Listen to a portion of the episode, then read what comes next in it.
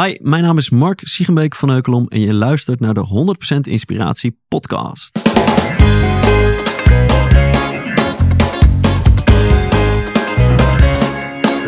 Hey, wat goed dat je luistert. Hij staat weer voor je klaar. Je wekelijkse dosis inspiratie is weer daar. De allerleukste gasten geven al hun kennis prijs. Met je veel te blije host, hij praat je bij. Zijn naam is Thijs. Thijs,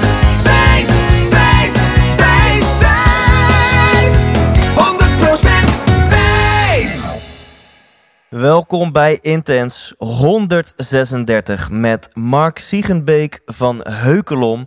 Ehm, wat wel leuk is om te vertellen. Ik hoorde over Mark van iemand eh, een tijdje geleden. Ik was met haar aan het lunchen en zij vertelde over Mark. En dat hij een boek heeft geschreven dat heet Helemaal naar de meditering.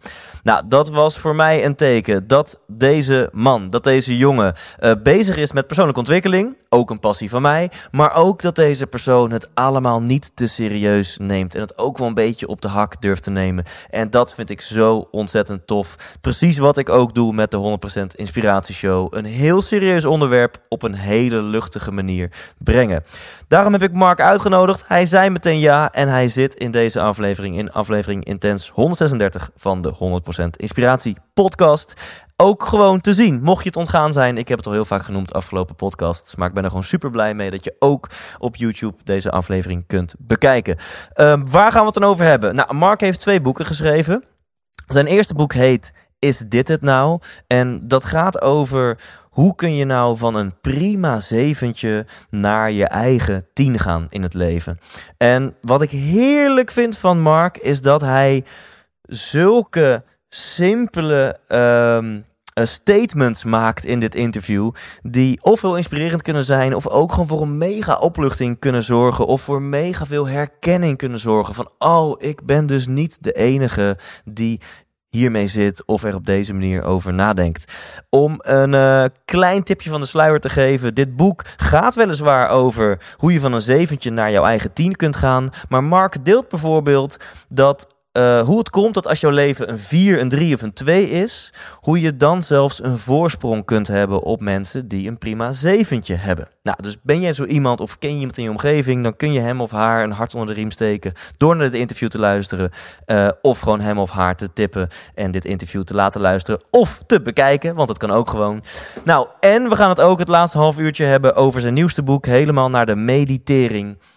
En um, uh, uh, dat zijn een aantal uh, um, simpele technieken over een heel serieus onderwerp. Mediteren. Wat kan dat doen voor de kwaliteit van je leven? Wat zijn Marks ervaringen daarmee? En ook hiervoor weer maakt iets super concreet. Hoe kun jij deze superbelangrijke activiteit, waar we allemaal geen zin in hebben van tevoren om aan te beginnen, hoe kan je die toch een rol laten spelen in jouw leven? En hoe zou dat zomaar eens jouw leven positief kunnen beïnvloeden.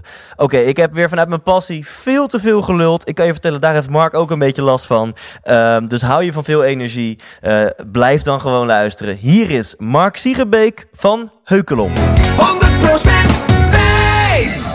We draaien, Mark. Ja, mooi. Dit is wel echt heel leuk dat wij, uh, we kennen elkaar via, via um, Karin van, van NLP. Ja. Uh, ik was laatst met haar aan het lunchen en ze begon over jou. En ik had, uh, nou, ik had eerlijk gezegd nog niet van je gehoord. Jij ook niet van mij, dus dat scheelt. Nou, ik had wel van je gehoord. Ik wist alleen, dus iemand had ooit gezegd: uh, 100% Inspiratiepodcast is super tof, moet je eens luisteren. Gewoon nog niet aan toegekomen. Dus voor de rest wist ik ook nog niet precies wie je voor de, ja. voor de rest bent en wat je doet. Maar... Nou, ik hoorde van jou in elk geval. Ze zei, nou, misschien een leuke gast om te interviewen. Maar dat hoor ik natuurlijk best wel vaak. Dus ik ben dan altijd wel licht kritisch. Ik denk, nou, even checken dan wie het is. Ja. En toen googelde ik op jouw naam. En toen zag ik dat jij een boek hebt geschreven. Dat heet uh, helemaal naar de meditering. En toen dacht ik, nou, geen idee wie die gast is. Maar dat, dat zegt mij al twee dingen. Eén, dat die gast bezig is met persoonlijke ontwikkeling. En goed ook, want niet iedereen schrijft zomaar een boek. En ook gewoon via een best wel uh, bekende uitgever. En hij neemt zichzelf niet al te serieus. Anders ja. dan noem je je boek niet uh, meditering, zeg maar.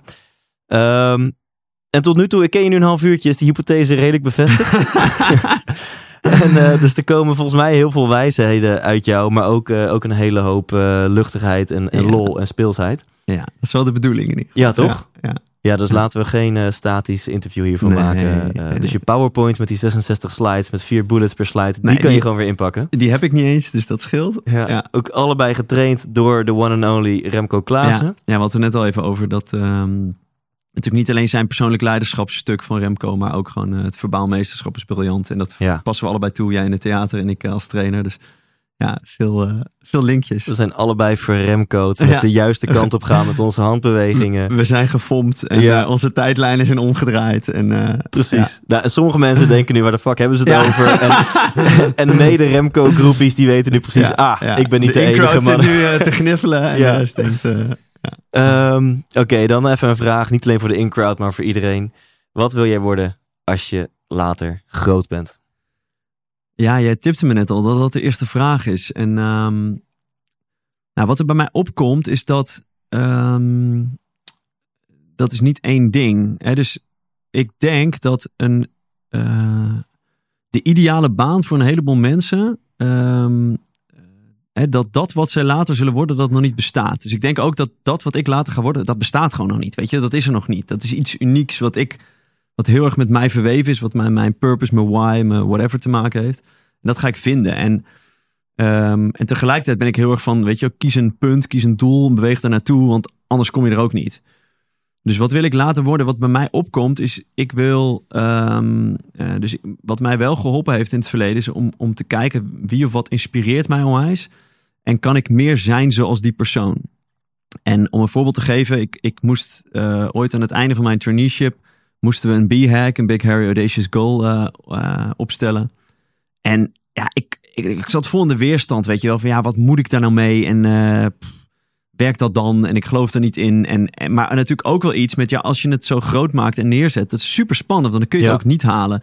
Ja. Dus ik heb het toch gedaan. Toen zei ik, nou, dan wil ik de volgende Stephen R. Covey worden. Want ik vind, ja, ik vind die boeken van hem gewoon echt helemaal te gek. Die vent heeft gewoon echt begrepen hoe, ja, hoe je richting in je leven bepaalt en Ja. eh, hoe je leiderschap toont.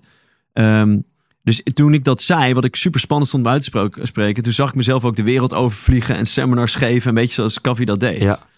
Ehm, en dat gaf ook wel echt een soort van voorwaartse energie. Van, oh ja, dat is. En, en, en, en niet alleen in, in hoe hij zijn carrière heeft ingericht, maar ook hoe die. Weet je, hij in zijn boeken schrijft hij ook altijd over hoe hij thuis is. Hoe hij met zijn kinderen omgaat, hoe hij met zijn vrouw omgaat. En, en steeds weer als ik verhalen over hem hoor en hoe hij vooral de, de family man die hij was en hoe hij met zijn kinderen omging, denk ik, oh, dat vind ik nog steeds zo inspirerend. Dus daar zit nog steeds heel veel pool en, en dat was er toen ook al. En ehm, nou, ik zeg wel eens tegen mensen dat na het uitkomen van mijn eerste boek eh, kon ik zien dat ik ehm, op mijn eigen kleine bescheiden manier een vervolg had gegeven aan het werk van Covey. Ehm, omdat hij, hij heeft het over purpose, hij heeft het over why, maar hij noemt dat je voice in, in eh The Eighth Habit, beschrijft hij dat. Ja. En, en hij legt nog niet zo fantastisch uit hoe je die als persoon nou vindt. En, en, en weet je, dat integreerde mij. Ik wil mijn voice vinden. Ik wil me, en daar kwamen mensen ook in de coaching bij mij naartoe. Van wat is nou, eh, ik wil mijn why vinden. En, en daar vond ik steeds meer handvatten eh, om mensen bij te helpen. En, en dat heb ik ook in dat boek samengevat. Of, of eigenlijk opgeschreven. Toen kon ik zien van ja, weet je, ik, nou, ik heb al wel eens in het buitenland training gegeven. En eh, ik ben al wel eens met een, eh, eh, wat was het nou, een of andere Jaguar taxi ergens opgehaald om, om ergens training te kunnen geven. Ja. Dus ja, nou, dat stuk, weet je, op mijn eigen manier klopt dat een beetje. En ik help mensen nu echt met hun, hun voice of een purpose of een why vinden en, en daarmee de wereld mooier te maken. Ah, vet. Ik ben het al een beetje aan het doen. Ehm, Want hoe lang geleden had je dit voor jezelf bepaald? Had je deze stip aan de horizon gezet? dat is nu vijf jaar geleden, vijf en half, vijf en half jaar geleden. En vet om dan te realiseren, ineens even ja. tijdens zo'n momentje van wow, wacht eens even eh, Mark. Ja. Dit gaat gewoon de goede kant op. Dit is Ja, wat je wilde. Dat is super cool. En dat, dat, dus wat ik ook tegen mensen zeg is van, weet je, het leven is niet maakbaar. Zo simpel is het gewoon. Er, er gebeuren dingen die, die je niet kunt bedenken of kunt voorbereiden. Maar het is wel stuurbaar. Je kunt echt wel, hè, door bewust over dingen na te denken, bewust keuze te maken, kun je er echt wel wat meer richting in, eh, in aanbrengen. En, ehm, ja, en, dat, en dat, dus ik merk dat ik nu soms mensen zie die dingen doen en die inspireren me dan. En dan denk ik, oeh, ik wil iets meer zijn zoals jij. Dat vind ik vet. Weet je wel? Dus wat komt nu bij mij op? Bijvoorbeeld een Esther Perel, die eh, relatietherapeut. Weet je, ja, een paar podcasts van haar geluisterd. Gewoon hoe, hoe snel zij is in haar therapeutisch vermogen om, Ja. om, om te voelen waar het zit. En, en hoe goed zij kan helpen om mensen met elkaar in gesprek te brengen. En dan denk ik, vet. ja, cool. Ehm, en, nou, en zo een, he- een heleboel dingen. En, en de, de, er is een quote van, van Neil Gaiman. Eh dus overigens de, misschien een leuke tip voor luisteraars. De beste commencement speech die ik ooit heb gezien. Ik vind commencement speeches, weet je wel, aan de, de grote universiteiten in Amerika. Vind ik altijd vet en inspirerend. En de beste die ik heb gezien is van Neil Gaiman. En die zegt dan op een gegeven moment... ehm, You're gonna sound like a lot of other people before you find your own voice. En dat is voor mij altijd heel comforting geweest. Dat ik voor een groep mag staan en koffie na, mag praten. Dat ik eh, een gesprek met iemand mag hebben. En dat ik een beetje Esperel na mag doen. En, Ja. weet je, en dat ik al die dingen mag doen omdat ik dat nodig heb. Om in mezelf te vinden wat nou mijn stem is. Nou, en, en voice is dan weer heel mooi met die why purpose waar ik het net over had. Weet je wel. Dus ga maar gewoon shit doen. Probeer het maar Ja, uit. ja. Ga maar zijn zoals die mensen die je inspireren. Ehm, ja, en, en dan vind je dus volgens mij ergens op een gegeven moment dat wat jou uniek maakt. Waarvan mensen op een gegeven moment zeggen, eh, wat ik later wil worden. Zoals Mark Siegenbeek van Heukelom, dat wil ik laten ja, ja, ja. Zoals Thijs Lindhout, ik wil ook zo'n podcast. Weet je wel, dat is... Nou, en om, om, om ook hierbij te blijven en weer een linkje te leggen naar onze gezamenlijke held Remco Klaassen. Ik vertelde net eh, vooraf dat ik eh, echt in 2014 al voor, voor Intimi mijn theatershow heb gedaan, een try-outje. Eh, en eh, voor Intimi bleek blijkbaar ook Remco Klaassen te zijn. Dat wist ik niet, maar hij had ergens hoogte gekregen van het feit dat ik dat deed. En die gast zat blijkbaar achter in de zaal. Daar kwam ik later tof. pas achter. Maar en toen heette het de 100% Thijs Show. Nu heet het de 100% Inspiratie Show. En toen kwam Remco achteraf, of, of een week later gingen we verbellen, want ik wilde weten wat hij ervan vond. En eh, nou, het ligt precies in lijn met wat jij net zegt. Want toen zei Remco tegen mij de legendarische woorden. Hij zegt, nou Thijs, 100% Thijs. Ik vond het eigenlijk ook wel een beetje 80% Remco hoor. en daar had hij wel een goed punt. Dat was heerlijk. Ja, dus... eh, Ja, maar ik vind het wel mooi, want Remco die zegt altijd: ehm, eh, copyright is the right to copy. Weet Ja. je wel? Hij, hij zegt ook: ja, ik jat ook alles bij elkaar. En tegelijkertijd wijst hij je er ook op. eh, als je iets van hem gebruikt zonder de, de precieze juiste verwijzing. Dus ik heb op mijn eerste boek ook wel een opmerking van hem gehad.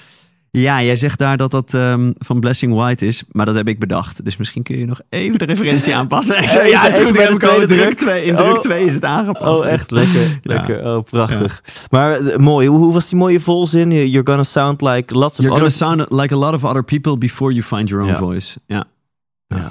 En je zei, ehm, een van de dingen die ik heel interessant vond aan Kofi is hoe hij met zijn gezin omging. Nou, nu kunnen misschien sommige luisteraars denken van, oh, wat, wat is dat dan precies? Dus kun je daar eens op Ja. doorgaan? Wat, wat precies daaraan Ja. eh, vond je zo inspirerend? Een Ehm, paar voorbeelden. Dus, ehm, kijk, dus als je de- het boek The Seven Habits of Highly Effective People leest, dan neemt hij je mee in die habits, wat dat dan is. En dat begint met be proactive en begin with the end in mind. Dus het gaat heel erg over persoonlijk leiderschap. En ehm, dan beschrijft hij ergens heel mooi dat ehm, eh, op een gegeven moment ergens, ik denk rond de tienerjaar of zo, een van zijn zoons begint te worstelen. Die heeft het lastig, die heeft moeite, die heeft last van zichzelf, die heeft moeite met dingen, gaat op school niet lekker. En, en Kavi en zijn vrouw gaan zich heel erg met hem bemoeien. Oh ja. Ehm, dus eh, en in retrospect kunnen ze zien dat ze een beetje zitten in... het gaat niet goed met jou, wij moeten jou fixen. Nou, en zo hebben ze het natuurlijk niet door. Maar het is gewoon uit liefde natuurlijk geboren... maar ze proberen hem te helpen en te helpen en te helpen... en het komt niet echt van de grond. En, en eigenlijk merken ze dat er alleen maar meer afstand ontstaat... en, en dat het minder gaat met die zoon. Een gegeven moment hebben ze met z'n tweeën een heel goed gesprek. eh, dus, dus en zijn vrouw. En dan zeggen ze, "Waar- weet je, waar, waar zijn we nou eigenlijk precies mee bezig? Weet je, met elke interventie die we richting hem doen... met alles wat we met hem aangaan geven hem het gevoel dat hij niet goed genoeg is. Dat er iets aan hem niet klopt. Dus kunnen we nou eens kijken, weet je wel, wat is er bij onszelf? Dus, dus wat zij doen is, ze laten hem even los. En ze, Ja. en, ze, en ze kijken naar zichzelf. Oh ja, ik zit hiermee, jij zit daarmee. En ze gaan weer met zichzelf aan de slag. En ze geven hem de ruimte om gewoon te worstelen zoals hij worstelt. En te zijn wie hij is.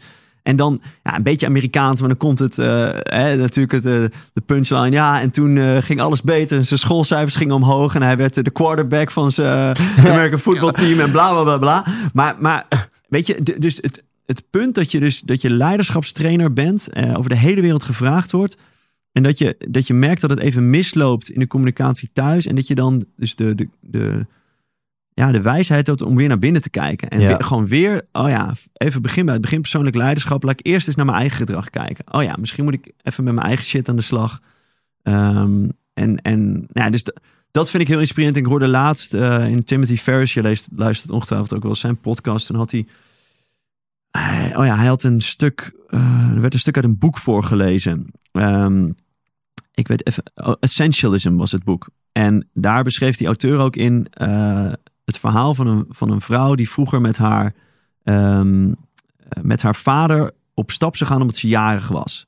En die vader was wel een, een bekende man en die, belangrijk. En die kwam allemaal mensen tegen. En zij had er echt super naar uitgekeken. En echt op het moment supreme, hij had er net opgehaald. Toen liep er iemand tegen het lijf die hij al jaren niet had gezien, die vader. Die zei, oh wat een gek dat je weer tegenkomt. We moeten echt even, kom wij gaan nu en ik nodig je hiervoor uit. En hij kreeg echt alles aangeboden. Het was zakelijk, uh, persoonlijk. Het was op alle manieren was het een grote kans voor hem. Ja. En toen zei hij, ja, weet je, ik vind het super tof dat je weer zie. Het lijkt me echt te gek om dat een keer te gaan doen, maar niet nu. Want ik heb een hele belangrijke afspraak, namelijk met mijn dochter die hier staat. Want het is haar verjaardag en wij gaan nu samen iets leuks doen. Ja. En op dat moment voelde dat kind zich zo speciaal. Die, die dochter had echt zoiets van, weet je wel, wow, ik sta echt op plek 1 voor mijn vader. Weet je hoe belangrijk hij ook is, hoe belangrijk al die mensen eromheen zijn. En toen vertelde die auteur, en dat was dus die vader was Stephen Covey. Mm. Uh, weet je wel, dus er komen, er komen altijd weer verhalen uit hoeken over het vaderschap van, van en hoe hij persoonlijk leider is, ook weet je wel, binnen zijn gezin en als mens.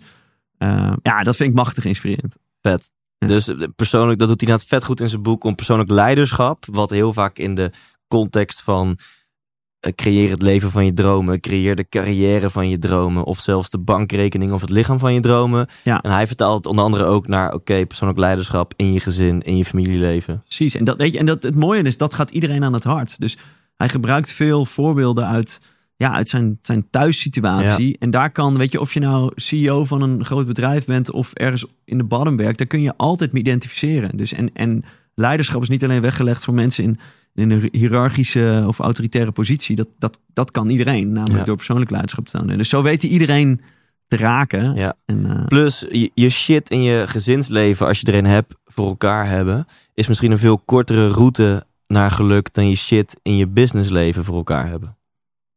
dat denk ik wel, want ja, weet je, eh, eh, business geeft wel natuurlijk een bepaalde vervulling. Dus hè, het, het, geeft, het, het kan je een gevoel geven dat je met een missie bezig bent, dat je iets haalt. Het levert geld op. Nou, tot 70.000 euro of 70.000 dollar hebben we van de Daniel Kahneman geleerd. ge- Brengt dat geluk? Ja, en daarna tot, niet tot meer. twee keer modaal, zeg maar. Ja, Eh, ja. zoiets, ja. En, ehm, eh, maar wat, wat ons uiteindelijk volgens mij het meest gelukkig maakt, dat zijn relaties. Dat zijn de mensen om ons heen. Dus ja, dat is wel handig als je... Ja, het is ook wel. Het is natuurlijk heel makkelijk om. Dit, dit vind ik gewoon even interessant om over te filosoferen. Hmm. Eh, het is natuurlijk heel makkelijk om te zeggen van ah, echt geluk vind je niet in je carrière, in je missie, in je dromen, bla bla bla. Maar vind je in de relaties met anderen. Ehm, en ik denk dat dat voor een heel groot gedeelte waar is. Aan de andere kant, in de praktijk wil je ook gewoon een bepaalde missie leven. Dus ik krijg Ja, er ook heel veel energie. Moet, laat ik zo zeggen, in de praktijk moet er echt wel een balans in zijn. Nee, maar dus ik, ik, eh, ik wil ook niet zeggen dat een missie. Ik denk dat juist een missie heel veel eh, geluk kan geven. Dus ehm, eh, ik hoorde ooit het, het is weer van een andere auteur, het acroniem DOM, D-O-M. Wat, hè, wat maakt nou geluk? Doelen, oplaadpunten en mensen. Ja. Ehm, dus ja, eh, maar bij de meeste businesses, of nee, laat ik het zo zeggen, in de, in de meeste mensen met gewoon een baan, die hebben weinig missie, weet je wel? Ja, dat is gewoon puur en alleen om het geld binnen te slepen. Ja. Eh, hè, om eh, vijf dagen doorkomen om dan twee dagen te kunnen bijkomen. Eh, ja, weet je, Ja. dus daar zit ik er niet in. Dus in een business is er vaak wel iets duidelijker een doel.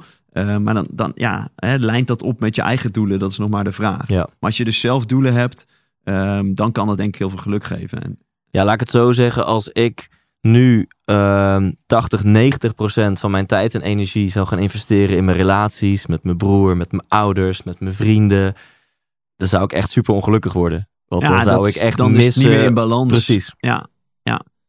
Nou, en, en, en volgens mij is die balans. Dus ik heb, wat dat betreft, ik heb nu. eh, ik heb een super fijne maand. Omdat ik veel balans in mijn werk heb. Ik heb veel, ik heb veel werk, maar leuk. Dus eh, soms trainen, soms zelf online course bouwen. Soms één op één coachen. Dus daar zit een hele mooie balans is. En ik constateer dat ik mijn broertje gewoon al best wel veel heb geholpen met het klussen in zijn huis. In deze maand, die eigenlijk best wel druk is. En, en, en ik merk dat ik super veel energie heb. Ja. Omdat, er, omdat dat zo mooi in balans is. Ja, ik ben tof. niet alleen maar met dat werk bezig. Ja.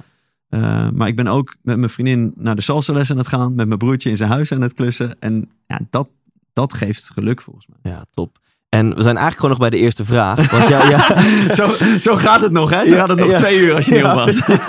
ja, leuk interview van 2,5 uur, drie vragen kunnen stellen. Eh, want jouw antwoord is basically van hey, wat wil ik worden als ik later groot ben? En daar zit een concrete tip in jouw antwoord. Want sommige mensen die luisteren vinden dat misschien ook een lastige vraag om te beantwoorden. Eh, en jij tweakt hem naar, hey, wat zijn mensen die mij inspireren? Of wat zijn Ja. mensen die al doen wat ik ook wel zou willen doen? Nou, en, en, en ook wel heel bewust, omdat ik heb een keer een training gegeven en daar, daar zat iemand tussen en die was al, die ging al richting het, weet je wel, het laatste kwart van zijn carrière ongeveer. Maar die, die was nog wel een vernieuwing toe. En, ehm, en die kwam echt wel met deze vraag. Die zei van ja, ik zit gewoon echt heel erg met, met wat ik dan wil worden nu. En op een gegeven moment, weet je, som, soms voel ik ook gewoon dat ik intuïtief mensen dingen wil zeggen. En, en ik, ik zei tegen hem van ja, weet je, ik heb hier nog niet zo goed over nagedacht, maar intuïtief voel ik heel veel drang om jou te zeggen dat ik denk dat, jou, dat, dat jouw baan, dat die nog niet bestaat. Dus ik heb jou nu twee dagen meegemaakt en ik zie jou dingen zeggen, dingen doen. En dat, dat maakt jou, weet je, iedereen is uniek. Maar, maar hoe ik jou bezig zie, dat ik, bestaat gewoon nog niet, denk ik. En ik voelde zoveel ruimte en vrijheid bij hem ontstaan. Hij zei van, ik vind het zo fijn dat je dat zegt. Want nu hoef ik niet aan een of ander hokje te voldoen. Of zo. Ik heb dat gevoel ook. Mooi, dan ga ik gewoon lekker vrij verkennen wat dat dan is. En.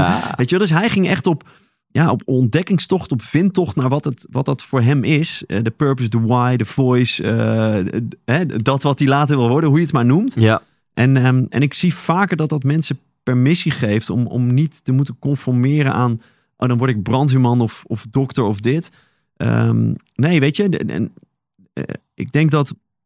Ik weet niet in percentage, maar een heleboel banen die nu bestaan, die bestonden tien jaar geleden nog niet.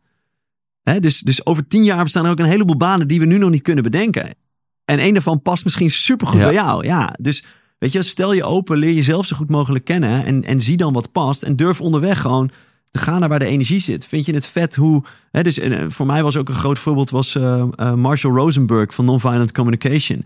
Die zit dan gewoon voor groepen, als hij training geeft, dan, dan pakt hij twee handpoppen erbij en dan gaat hij gewoon een conversatie gaat hij uitspelen tussen vader en zoon om te laten zien wat violent communication is en hoe je het ook non-violent kan doen. Weet je wel, echt super speels en ja, dat ik denk, dude, hij is zo lekker zichzelf en dan, heeft hij, Ja. dan zie je de hele zaal echt volledig geïntegreerd luisteren en denk ja, hij heeft een goed punt.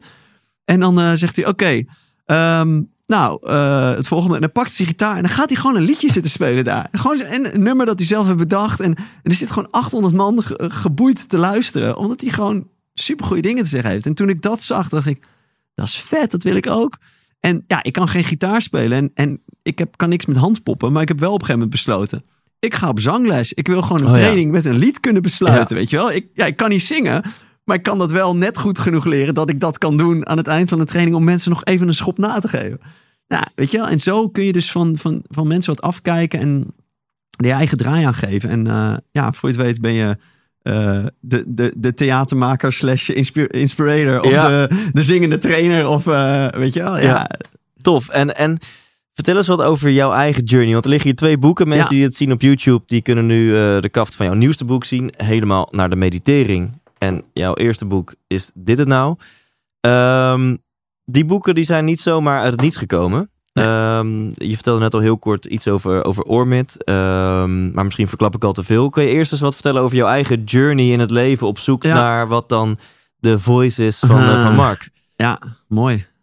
Ehm, ja, ik denk, ik denk dat dat verhaal begint eind studie. Dus ik, eh, ik ben ingenieur. Ik heb technische bedrijfskunde gestudeerd in Groningen. Meen je dat? Ja. Ja, box. eh, Ik heb ook technische bedrijfskunde gestudeerd. Nee, Dus, waar ja. heb jij dat gedaan?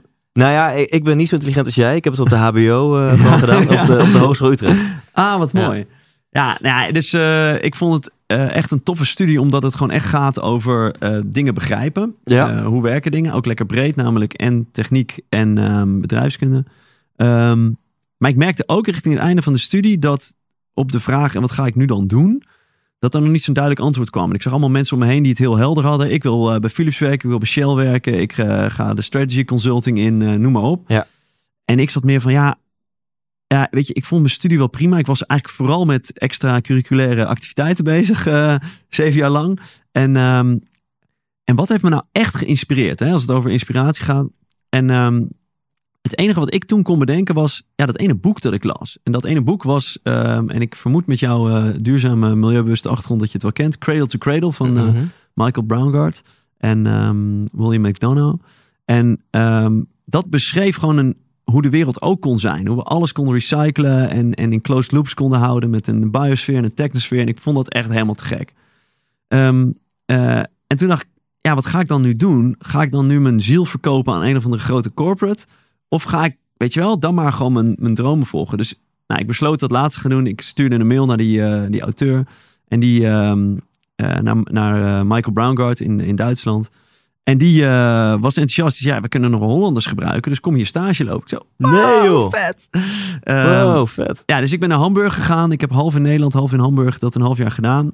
Ehm, en ik zat echt in het epicentrum van de duurzaamheid. Weet je, Cradle to Cradle was toen echt Ja. helemaal hip en happening. Er was voor de rest nog circulaire economie. Je hebt nu een heleboel circulaire Ja. dingen. Toen, eh, dus dit is, eh, nou ja, wat is dit? Acht jaar, negen, misschien wel tien jaar geleden. Toen was er echt nog heel weinig. Ehm, en toen was dit de, de shit. Dus Ja. ineens zat ik in Hamburg en zag ik oh, hoe dat dan gedaan werd en hoe dat allemaal gebeurde. Ehm, maar ik liep ook tegen iets anders aan. En dat was dat ehm, de bedrijfscultuur. En ik ga kijken hoe ik dit op een manier kan zeggen. ehm, eh, dat ik het netjes hou. Maar het, nou, dat paste gewoon totaal niet bij mij. Dus, dus vooral het eh autoritaire. Maar dat vanuit, zeggen, Duitse ondernemingen zijn vaak heel hiërarchisch. Precies. En nou, ik heb tegen hem zelf ook gezegd, dus eh, dan mag ik het hier ook zeggen, denk ik. eh, meneer Braungart is echt een genie als het op de scheikunde en een aantal andere dingen aankomt. Als manager vond ik hem eh, ja, gewoon echt slecht. En had ik gewoon heel erg last van hoe dingen daar gingen. Ehm, dus om die reden ben ik er weggegaan. En dat maakte ook wel dat ik toen echt even in, in een dipje terecht kwam. Want ik was toch gegaan voor mijn, mijn hart volgen en achter mijn passie aan. En, dat, en ik zat in het epicentrum van duurzaam, dus ik moest dat leuk vinden. Maar ik liep op wat andere dingen leeg. En wat ik moest constateren ook was dat ik op dat moment niet de bagage had om eh, in zo'n moeilijke setting dat toch de goede kant op te loodsen. Dus ik, ik voelde me een lichtgewicht tegenover een zwaargewicht Oh ja. ehm, eh, in, eh, in deze, deze man en, en de organisatie eromheen. Dus toen heb ik een beetje gekeken, wat is dan een andere rode draad in mijn leven tot nu toe? En dat was ehm, eh, persoonlijke ontwikkeling. Dus wat ik gewoon zag was dat ik aanvankelijk geen, bewust geen bijbaantjes nam in mijn studententijd, omdat ik ouders had die me goed supporten en ik wat bijleende. En dat ik het dan belangrijker vond om bepaalde commissies te doen waar ik echt wat kon leren, waar ik me kon ontwikkelen. Weet je wel, in de Albert Heijn eh, vakken vullen, daar leer je niet zoveel eh, als bijbaantje. Maar ja, commissiewerk om sponsoring proberen te binnen te halen. eh, of beleid te vormen voor je. In mijn geval was het dan de roeivereniging. Ehm, of eh, te gaan wedstrijd roeien en zeven keer per week te trainen en te kijken of je op nationaal niveau prijzen kon winnen. Dat vond ik vette dingen om met mijn tijd te gaan doen. Dus ineens zag ik, van, ja, weet je, dat is gewoon de rode draad, persoonlijke ontwikkeling. Ehm, dan, ga ik, dan wil ik gewoon een traineeship doen. Dus dat was mijn, en toen dacht ik ook lekker algemeen, algemeen management traineeship. Eh, kijk je in de keuken bij verschil, verschillende partijen kunnen nemen. En dan, dan is Ormit, eh, waar ik eh, uiteindelijk ben aangenomen, is dan echt ideaal. Omdat je ja, op een heleboel, ehm, op een heleboel plekken eh, opdrachten doet. En ondertussen coaching, training, Ja. eh nou, intervisie Ja, maar krijgt. dat, daar wordt ook niet iedereen aangenomen. Want Ormit Nee. is een beetje de Champions League van de traineeships. Ja. Daar de grote corporates, die halen daar hun management trainees vandaan. Ja, precies. Dus, eh, nou ja, weet je, ehm, eh, ik heb de, de mazzel gehad dat ik wel tot de groep behoorde die daar binnen kon komen. En ik voelde daarna, de, en, en dan word je dus gedurende 2,5 jaar of zo opgeleid tot manager. Ja. Maar ik voelde richting het einde van, ja, ik wil helemaal geen manager worden. Ik wil doen wat jullie net met mij deden. Dat, Ja. Weet je wel? Ik, ik ging het meeste aan op die trainers eh, en die coaches daar waar zij mee bezig waren. En ik merkte dat waar iedereen een beetje ontwikkelmoe was richting eh, het eind van die eh, ruim twee jaar. Dat ik gewoon extra, weet je, ik ging koffie lezen en ik was Ja. al die boeken aan het lezen. Jij had zoiets van just getting started. ja, en wat, wat ik, dus als ik op de bank zat tussen twee opdrachten door, dan ging ik mijn, eh mijn mede-trainees, ging, dan ging ik trainingen voor hen ontwikkelen. En zei, kom, ik ga een middag je workshop doen, want ik heb net wat gelezen. En, en dan kwamen ze helemaal psyched eruit lopen. Er zaten twee coaches bij die zeiden, wow, jij kunt het echt goed. je zou je mee, mee moeten doen. En, en zo voelde ik, oh ja, voor mij zit hij veel meer, veel meer in die hoek. Mooi dat Ormit helemaal bedoeld is om in twee jaar tijd. eh, en dat, dat geld moet ergens vandaan komen. Hè? Dat ze Ja. investeren moeilijk veel geld in jou via de corporate wereld. Ja. Om in twee jaar erachter te komen wat een beetje jouw voice is. Als het even kan binnen managerial land. Ja. En jij kwam erachter van ja, mijn voice, dat is gewoon, heeft niks met managen te maken. Dat heeft te maken met wat we hier twee jaar lang doen. Jezelf leren kennen en ontwikkelen. Nou, en het heeft wel met leiderschap te maken. Dus wat, wat dat Ja. betreft zat ik goed bij Ormit, omdat zij leiderschapsontwikkelaar zijn. En, Ja. en dus zij zoeken ook in mensen, zoeken zij potentiële leiders van de toekomst. Ja. Nou ja, en, en dat kan ik nog steeds in zekere zin zijn. Ik denk dat ik met mijn boeken en met alles wat ik doe, mensen nog steeds heel veel richting geef. En dat is wat een leider uiteindelijk doet. Ja. Maar op een wat andere manier dan hè, de, de klassiek leidinggevende in, in een corporate wereld. Dus het is, het is zeker wel belangrijk als je daar begint dat je bepaalde managementambitie hebt. En dat, had ik, dat dacht ik ook te hebben. Maar ja, ik kwam, ik kwam erachter. Uh, dus er zitten gewoon hele goede coaches daar die echt, die echt dat doen. Weet je wel, gaan, gaan ontdekken en, en Ja. ontwikkelen. Het zijn ook hele mooie woorden. Weet je wel, je bent bedekt met allemaal en, en, en ingewikkeld in allerlei lagen van de maatschappij. Eh, weet je, en langzaam die wikkels eraf halen om te zien wie jij eigenlijk echt bent en waar jouw why en je voice en je purpose eh, en je passie en je talent liggen. Ehm, dus daar zitten mensen die er heel goed in zijn. En dat vond ik zo waardevol dat ik toen voelde, weet je, daar wil ik meer mee doen. Eh, dus dat was voor mij ook wel een. Eh, toen ging mijn, mijn relatie toen uit. En dat was voor mij zo'n kantelpunt in het Ja. leven. Ehm, waarop eh, ja, ik gewoon, ook- gewoon ook besloot van... there's never a good moment, maar dit is misschien wel de beste. Fuck it. Eh, ik kan overal aan de bak nu als ik wil. Ik heb echt cv, weet je wel, tot en met. Maar ik ga daar gewoon niet gelukkig van worden. Ik, ik, weet je, als ik nu bij een corporate in dienst ga... dan verkoop ik echt mijn ziel aan de duivel. Want dat, en, en, en niet dat de corporate de duivel is... maar voor mij Mhm. was dat niet wat ik, wat ik wilde doen. Ehm, dus toen heb ik ook gewoon gezegd... fuck it, ik ga het gewoon voor mezelf proberen. Gewoon maar zien wat er gebeurt. Vet. En hoe oud was je toen? Toen was ik eh 28, 29. Oh, cool. Ja, want reden ik dat vraag, je zit even te, spook in je, te, te spieken in je eerste boek. 29 was ik. Eh, die is uitgekomen in 2017, dus toen was je Ja. denk ik 33. Ja. Eh, dus zo'n zo'n nou, vijf jaar daarvoor was je klaar bij het trainee, eh, management trainee programma van Ormit en besloot je dus om jouw vleugels te gaan spreiden. Ja. Ehm, dat is best wel spannend. Dan spring je van die berg af en je wil niet in het ravijn terechtkomen. Hoe, Ja. hoe, eh, hoe ging dat dan? Wat, wat hield dat concreet voor jou in? En ik vind het sowieso een toffe vraag, want ik krijg heel veel berichtjes van luisteraars of via Instagram of als reactie op mijn mailings of als ik mensen spreek na mijn shows, die, die ook zo'n soort iets hebben van hé, hey, ik zit ergens bij een corporate of bij een baan en ik wil Ja. graag mijn vleu- vleugels spreiden, maar hoe en wat dan precies? Dus Ja, hoe ging het bij jou? ja nou, ehm, hoe het bij mij ging is dat het startpunt is dat ik gewoon knetterveel coaching had gehad. eh, daardoor mezelf heel goed had leren kennen. En daar zat ook een stuk loopbaancoaching bij. En die loopbaancoaching kwam ik erachter dat ik gewoon een wens had om naar vrijheid. Ik wilde gewoon... Dus ik kon op een gegeven moment aan mijn coach ook niet, eh, niet uitleggen wat ik nou precies wilde. Maar ik, het enige kon zeggen, ja, ik voel gewoon... eh, eh, en, en eh, voor de mensen die niet kijken, ik beweeg ondertussen nu heel ongemakkelijk met mijn schouders. Je Maar- er een beetje bij ook. Ja, dankjewel. Maar ik voelde gewoon van, ik wil me ontworstelen of zo aan, aan waar ik in zit. Ja. En aan het keurslijf en aan hoe het hoort. En, ehm, dus eh, ik denk dat, weet je, als je hierin zit, dat, ehm, nou, dat is meteen een mooi stukje zelfpromotie, maar dat coaching gewoon onwijs belangrijk is. En dat zie ik ook nu in wat ik met mensen doe. Ik krijg gewoon heel veel mensen die bij mij binnenkomen en zeggen van, ja, ik weet dat ik dit niet meer, meer wil, maar ik weet ook niet wat ik dan wel wil. En weet je wel, help me om dat te vinden. En nou, dan ga ik met mensen een, een traject van een half jaar in. En dan gebeuren er dingen en dan vinden ze antwoorden. En dan, weet je, dan komt het proces op gang. Ehm, en, en een onderdeel wat ik dus mensen altijd in de coaching meegeef... en wat ik hen laat doen, eh, en wat ik zelf ook gedaan heb... eh, dat noem ik eh husselen of experimenteren. Dus eh, wat super belangrijk is, is dat je gewoon gaat uitproberen. Weet je, het is een ontdekkingstocht, dus het is ook belangrijk om shit te gaan ondervinden. Gewoon te denken, een beetje als hypothese. Ik geloof dat ik meer vrijheid wil. Misschien een dag in de week minder werken en dan voor mezelf wat gaan proberen. Dat te gaan doen en dan te kijken wat het oplevert. Dat is in ieder geval wat ik gedaan heb. Dus ik, ehm, ik kon toen mijn tra- traineeship verlengen met nog een half jaar. En dat wilde ik wel, maar dan wilde ik ook ehm, maar, maar 80% werken. Zodat ik een dag voor mezelf had om Ja. eens te kijken... Wat gaat Mark nou in die dag voor zichzelf doen? Ja, Gaat hij dan ja. Netflix kijken? Of gaat hij dan ondernemen? Ja. En eh, nou, dat begon echt super kut. Want eh, de eerste week op, eh, op vrijdag had ik dan mijn eerste parttime dag. En toen zat ik dus om negen uur s ochtends zat ik achter mijn laptop klaar. En toen zei ik tegen mezelf, nou, en nu ga ik dus eh, deze dag vandaag geld verdienen voor mezelf. En om vijf uur, eh, dus acht uur later, had ik geen geld verdiend. En was ik super boos op mezelf. was het allemaal kut. Nog één keer saldo gecheckt. Nee, Ja, echt nee, geen geld. niks gebeurd. En geen stap verder gekomen. En week twee ging het precies zo. En toen, en toen dacht ik dus, ja, maar zo vind ik er dus echt geen bal aan. Eh, moet ik dan maar weer naar vijf dagen in de week werken? Toen dacht ik, nee, ik ga dit gewoon het half jaar volmaken. Maar ik moet de framing veranderen. En toen heb ik gezegd, vanaf vandaag is het volgende week wordt het gewoon mijn inspiratiedag. Ik moet helemaal niks. Ik hoef geen geld te verdienen.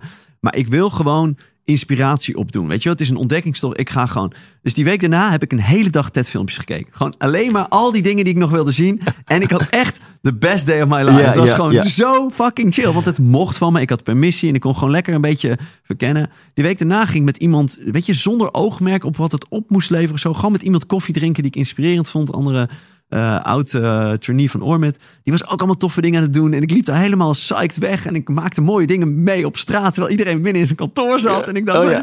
jee. En, en toen ging het balletje rollen. En toen kwam ik mensen tegen. Ineens op Utrecht Centraal van mijn studie. Die ik altijd niet gezien had. En die hadden een start-up. En ik wilde de start-up wereld leren kennen. En ik zei, hey, ik heb een boek gelezen over businessmodellen. Mag ik helpen businessmodel uh, voor jou uit te werken? Ja, cool, kom maar. Toen zat ik ineens in Rockstart. in het gebouw ehm, waar die accelerator zit. Waar ik altijd nog een keertje binnen wilde. En dus weet je, er kwam gewoon, er kwam van alles op gang. En, en, en toen voelden zij zich geholpen. Zeiden, oh, dan moet je, moet je die start-up ook eens gaan helpen. En die wilde coaching. En toen kon ik met coaching oefenen. Er gebeurde van alles. En zes maanden later um, had ik die avond ervoor een sessie gedaan met een vrouw met uh, persoonlijk businessmodel klussen en met vrienden erbij. En dat ze gingen brainstormen over haar, terwijl ik dat begeleidde over wat haar volgende stap in het leven werd. Het was super mooi. Ze was flessen wijn aan het uitdelen en tranenstroom dat ze zich zo geholpen en gesteund voelde. Ik voelde gewoon alles. Wow, dit is fucking vet wat ik nu ben. Ik verdien geen rode cent ja. Het was super cool. En die dag daarna belt haar man, belt mij op en die zegt, ik vond het zo vet wat je gisteren deed. En um, ja, weet je, ik zie gewoon dat je echt expertise van die businessmodellen hebt. Dus... Uh, ja, wij hebben nog een afdeling bij mij op het werk. En, en die zijn niet meer toekomstbestendig. En uh, ja, die, die, uh, ja, die moet gewoon een nieuw businessmodel hebben. Kun, kunnen we jou niet inhuren? Dus ik poelde de, weet je wel, de klassieke ja, uh, ik denk het wel. Moet even in mijn agenda kijken hoor. tu, tu, tu, Eventjes twee minuten niks doen. Ja, ik denk dat wel, uh, wel gaat lukken. Dus uh, nou, oké, okay, afgesproken. En daarna ophangen en dan fucking hard juichen. Ja, ja, ja, ja, ik heb mijn eerste opdracht Eerst even goed checken of je echt hebt opgehangen. Echt verbindingen. Ja. Dus... Uh, uh, en toen wist ik, oké, weet je, ik speelde toen met, uh, zal ik dan uh, een baan zoeken voor drie dagen per week en dan twee dagen per week voor mezelf. Dat idee had ik nog. En toen dit viel en er viel nog wat, dacht ik, weet je, oké, dit stelt echt nog geen reet voor. Weet je, dit zijn peanuts in, in wat ik straks wil gaan verdienen om mezelf goed te kunnen onderhouden. Maar fuck it, ik ga dit gewoon doen. Dus toen heb ik gewoon lekker mijn contract af laten lopen en, en ben ik dit pad gaan bewandelen.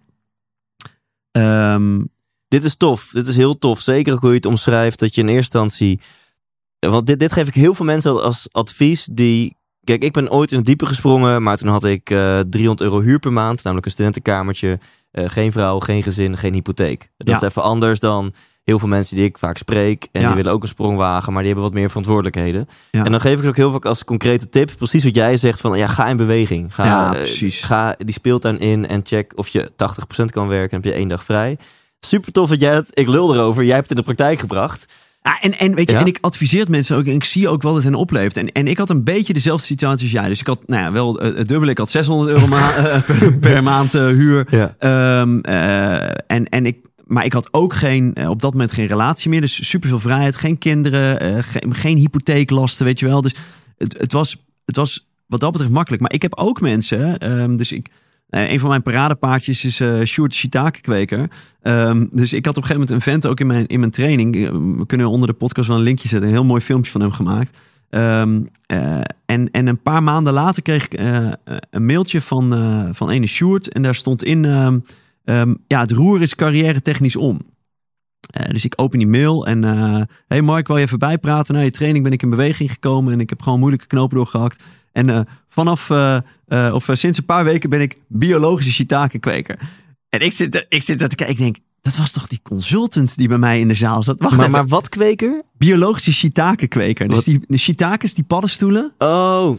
Daar, Never de biologische variant yeah, okay, Cool, die, yeah. die, ging, is hij, nou, die had hij besloten, die ga ik kweken. Dus, dus ik zoek op LinkedIn op en uh, uh, hij is, uh, hij, er stond nog dat hij inderdaad dat hij consultant was. En nou, en hij zei ook van, uh, weet je, misschien kunnen we even kletsen, dan praat ik je bij en misschien kun je me nog helpen. Dus ik ben met hem gaan, om tafel gaan zitten. En hij vertelde zijn hele verhaal. Het was prachtig. Weet je, hij ging ook, ze had ook veel in zichzelf gegraven, veel goede gesprekken, belangrijke gesprekken gevoerd. En toen kwam hij er. Dus de vraag die hij zichzelf stelde was, um, weet je, waar voelde ik nou echt passie voor vroeger? Wat vond ik nou echt tof? En toen kwam hij op, ja, Waar ik echt energie van krijg, was als ik dan in de, uh, in de zomervakanties van de middelbare school naar die vrienden van mijn ouders in Engeland ging, waar ik dan op het, op het land ging werken. Ging ik op de trekker scheuren, ging ik dit. Ja, ik vond het gewoon heerlijk om buiten te zijn, om bezig te zijn. Dus uh, vanaf daar ben ik gewoon nagedacht, wat zou ik doen? Zou ik groenten verbouwen? Nee, dit niet. Uh, en toen zag hij een gat in de markt, hout-shiitakes. Uh, dus, en hij, hij ageert altijd tegen de plof-shiitakes die op, op hoe heet het, koffiedrap groeien. Nee, je moet echt door de natuur geharde hout-shiitakes hebben. Nou, superveel passie ervoor. Ik wou net zeggen. En, en hij is dus iemand, dus ik vertel dit, dit verhaal wel vaker. Um, en hij had dus wel een vrouw, twee kinderen, eh, een hypotheek. Weet je wel, zijn vrouw was net voor zichzelf begonnen. En hij zei ook van ja, weet je, eh, ik heb het gewoon kunnen regelen met support hier en daar, vangnet eh, om me heen. Maar ergens moet je ook gewoon durven en gewoon gaan. Ja. En, ehm, eh, en, en waar hij dus super goed in is, dus waarom het hem lukt en, en, en wat mensen daarvan kunnen leren en wat ze eraan kunnen hebben, is dat hij is gewoon mega goed in husselen. Dus wij zitten daar aan die tafel, hij heeft net zijn verhaal verteld. Dan zegt hij, oh ja, en ik wilde jou dus ook nog wat vragen. Kijk, het zit zo, die, eh, hè, die, die, die stakens die groeien dus op eikenhouten stammetjes. Die moet je uit loofbos moet je die halen. Maar in loofbos zitten schimmels die op loofbomen goed groeien. Dus je moet die stammetjes moet je in naaldbos moet je neerleggen, want dan groeien ze beter. Heel technisch verhaal. Ehm, maar anyway, ehm, ik heb dus grote oppervlakte naaldbos nodig. Nou, jij hebt een dubbele naam, dus ehm, ik dacht, misschien zitten we geld in de familie. Misschien heb jij nog wel ergens naaldbos. Kun je me verder helpen? En weet je, op dat moment, ik moest echt keihard lachen. Ik zei, ja, ik heb een dubbele naam, ik ben niet van adel. Dus en we hebben, we hebben, wij, en wij hebben ook geen, geen lappen grond. En, de eh, familie dus Siegenbeek van, eh, de van familie Heukelom. Siegenbeek van Heukelom kan je helaas niet verder helpen. Maar respect voor je husselen, Sjoerd. Wat vet dat je het gewoon vraagt. Dat je Ja. durft. Weet je, hij, hij, hij, Tof. hij, hij, hij deinst niet terug. Hij gaat gewoon. En dat is een beetje de, weet je, dat wil je meenemen als je dat proces ingaat. Als je voelt, dit klopt nu niet. Ga husselen. Ga gewoon mensen Ja. bolte vragen stellen. Yo, heb je naaldbos in de familie? Ja, weet je, ik Ja. kan ook zich ook voelen, een beetje beledigd. Want nee, ik vond het vet dat hij dat gewoon, Ja. dat hij dat gewoon durfde te doen. Ehm, Ja, ik vind het tof om hierbij stil te staan. Want we kunnen, en dan gaan we misschien nog meer doen in de rest van het interview. Maar als je zegt, find your purpose, find your voice. Dat is allemaal super mooi en inspirerend, maar ook zo vaag en abstract Ja. as shit. ja, Eh, en daar kunnen mensen misschien niet per direct morgen wat mee. Maar gewoon die tip van, hey, kan je één dag in de week jezelf vrij spelen? En natuurlijk, wij waren dan in een situatie dat het heel makkelijk kon. Maar ik durf dit statement wel te maken. Als jij niet met 80% van je inkomen uit je vaste lasten kan komen... dan moet je sowieso gaan kijken naar je uitgavenpatroon. Dat lijkt me gewoon helemaal geen relaxed leven. Dat je 80 plus procent van je inkomen nodig hebt om te leven. Eh, dus als dat niet het geval is, fix dat eerst. En als dat al wel het geval is, dan kan je dus, als het even kan met je werkgever, natuurlijk, het is wel een dingetje. Maar dan kan je eh, misschien wel afspreken om naar vier dagen per week te gaan. Ja. En toevallig een, een goede vriend van mij, die, eh, die plant zijn woensdag vrij. Want hij krijgt energie van het werk wat hij doet, maar nog veel meer energie van zijn eigen business. Maar het zit nog in een start-up fase, is alleen maar investeren, investeren. Maar elke woensdag zit hij thuis aan zijn eigen business te werken. En dat zijn echt de best days ever. Ja.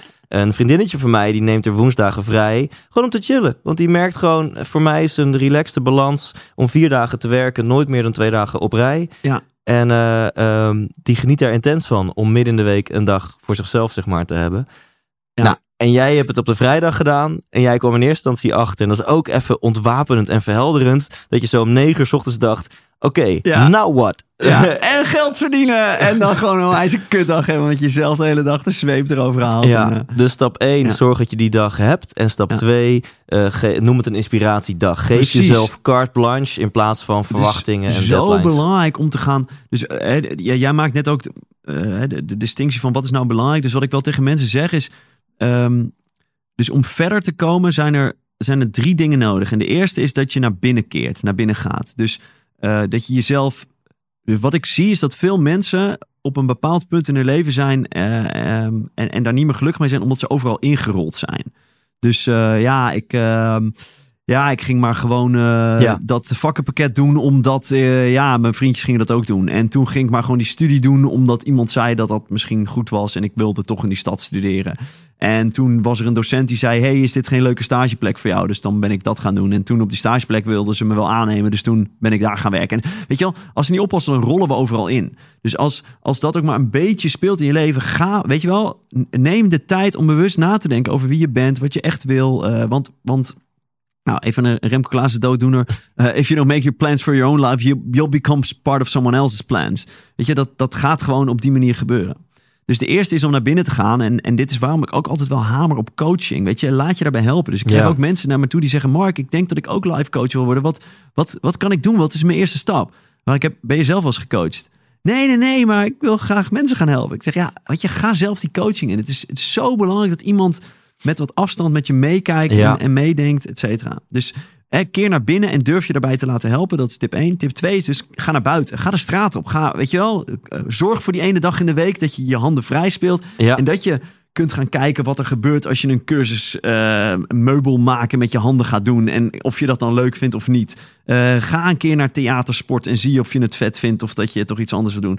Uh, ga met startups kletsen als je de start-up scene interessant vindt. Weet je, wat het voor jou ook is. Ik hoorde de meest briljante passies die mensen uh, soms met me delen van, oh, ik vind dit eigenlijk interessant. Uh, ik vind, ja, veldboeketten vind ik echt zo tof. Oké, ga veldboeketten klussen, weet je wel. Ja. Uh, ik, ik ben een groot fan van takes. Dat is soms uren in de Simon Leefveld. Perfect, weet je wel. Ga, ga, ga iets met thee doen. Weet je wel. En, en dus gebruik die ruimte, die één dag per week... of hoeveel je ook maar vrij kan spelen... om, om het te gaan verkennen. En, en dat is nog weer een andere. En zorg dat je, uh, dat je de grootste blokkades in je leven... Dat, dus dat is de derde, dat je die om, omver schopt op de een of andere manier. Dus wij hebben we hebben zo bizar veel beperkende overtuigingen waar we mee, waarmee we rondlopen. En dat is dus ook weer de, de kracht van coaching of, of ga in therapie of ga iets doen om de beperkingen weg te halen. Want weet je, als ik mensen het verhaal van Sjoerd bijvoorbeeld vertel, dan is er altijd iets, ja nee, maar dat kan bij mij niet omdat... Ja. ja. Weet je, en nee, maar het kan gewoon, maar je vindt het fucking eng. En dat is ook logisch. En weet je, en er zijn allemaal uh, implicaties en consequenties. Maar onderzoek wat jou nu kleiner houdt nog dan je nu bent. Ja. Probeer dat een beetje te slechten of op zijn minst te zien, weet je wel, in het licht te zetten. En dan kun je het misschien ook doorzien. En dan hoef je niet altijd door te laten leiden. Tof. Oké, dus je zegt drie dingen. Eén, vind een coach. Dat kan een coach zijn van 500 euro per uur. Kan ook een coach zijn van 50 euro per uur. Kan ook gewoon een coach zijn met iemand waarbij je bartert. Dat je elkaar coacht. Ja. Uh, twee, geef jezelf speelruimte.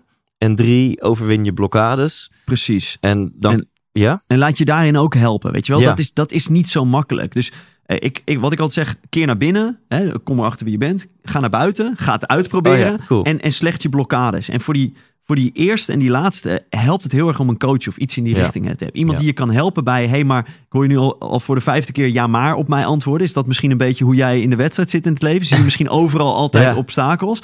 Als iemand je dat nog nooit, weet je wel, eh, even de spiegel heeft voorgehouden, dan, dan is dat jouw patroon. Dan mag je daarmee gaan werken. Eh, nou ja, en, en dus jezelf leren kennen. En nou, in die middelste, dus, uh, daar kun je, dat is husselen, experimenteren, gewoon naar buiten gaan, proberen, spelen. Ja, dus als je jezelf afgelopen half uur hebt betrapt op gedachten van ja, die gasten makkelijk praten, zij hebben nog geen kids, zij hebben geen je moet eens mijn leven eens bekijken, bla bla bla. Ja. Dan heb je jezelf er nu op betrapt en dan kun je jezelf ook die vraag stellen: oké, maar hoe zou dit wel voor mij kunnen werken? Precies. Want het, het enige wat het woord onmogelijk voor je doet, is dat het al je creativiteit stopt. Dus zodra je zegt, ja, dat, dat kan voor hun, maar dat kan voor mij niet. Pam. Weet je, de creatieve machine wordt stopgezet. Ja. En, en in iets mindere mate, maar hetzelfde is het met dat is heel moeilijk. Dus zodra je jezelf van overtuigt dat, ah, maar dat is voor mij, Ja. in mijn situatie is dat wel echt heel moeilijk. Ja, eh, ja, ja, nu dus wel dan. Weet Ja, je wel, dat is gewoon een self-fulfilling prophecy. Een mooie vraag vind ik dan: hey, en stel dat dit voor jou wel zou werken, hoe zou dat dan eruit zien? Precies. Dan- Dus, dus je wil hem vervangen met hoe kan het wel? Ja, Weet je wel? Dus, dus wat. En, eh, en weet je, misschien ook goed om te duiden. ehm, er zullen genoeg mensen luisteren ook. die niet de privilege hebben die jij en ik hebben. Dus wij zijn allebei hoogopgeleide, blanke mannen. Ehm, en ik ben er ook nog eentje met een dubbele achternaam. dat ja, maar ik weet, ja. gewoon, ik weet 100% zeker dat ik daar voordeel van heb gehad in mijn leven. Dus ik ben ook de eerste om te zeggen ehm, dat. Dus wat ik, wat ik niet wil uitdragen is, omdat ik een boek geschreven heb, kan iedereen het. Nee, ik heb ook veel voordeel met wie ik ben, hoe ik eruit zie, hoe mijn naam is, et cetera. Maar, maar, maar het heeft niet zoveel zin om daarmee bezig te zijn. Hè? Dus als je weer naar Covey en naar persoonlijk leiderschap... het enige wat zin heeft is om te kijken vanuit mijn situatie... met mijn mogelijkheden. Wie wil ik zijn? Wat wil ik doen? Welk gedrag wil ik vertonen? Ja. Dus als jij een donkere vrouw bent eh, die ook nog klein is... eh, en allemaal shit in de verleden heeft meegemaakt... dan zijn je kansen gewoon veel kleiner Ja. eh, dan die van mij. Ja. Maar Oprah laat zien dat het nog steeds wel kan. Ja. Weet je wel? Seksueel misbruikt toen ze jong was. Heeft er de, de, de gender en eh, de, huidskleur heeft alles tegen zich. ja. Het kan nog steeds. Het gaat dan Ik- om, ja. weet je wel, wie wil ik zijn? Wel, welk gedrag wil ik vertonen? Ik vind het zo chill dat je deze toevoegt. Ehm, en ook zeker dat je zegt: hey, ik ga niet zeggen, omdat ik een boek heb geschreven, kan jij het ook. En ik ken heel veel collega inspirerend sprekers die dan ook op het podium zeggen: hey, maar als ik dit heb bereikt, als ik het heb overwonnen, kan jij het ook overwinnen. En denk ik, nou, dat is genuanceerder Het dan is, dat. het is absoluut genuanceerder, maar ehm, er zit wel een hele inspirerende boodschap in. En dat is gewoon Ja. die bo- boodschap van persoonlijk leiderschap. Laat je leven niet leiden door anderen, maar pak zelf die leiding en, en whatever jouw omstandigheden zijn, je hebt altijd heel veel invloed op hoe je er zelf over denkt en wat je er zelf mee doet en de betekenis die je geeft en hoe je wel of niet in actie gaat komen. Precies, daar zit hij. Je, gedra- je eigen gedrag is uiteindelijk het enige waar je invloed op hebt. Dus nou, bepaal dat dan. Oké, dus ja, eh, weet je, als ik, eh, eh, ja, als dit mijn karige situatie is waar ik in zit, wat wil ik dan, weet je, wie wil ik dan nu zijn? Hoe wil ik ermee omgaan? Dat is het enige waar je de hele tijd maar naar terug kan gaan.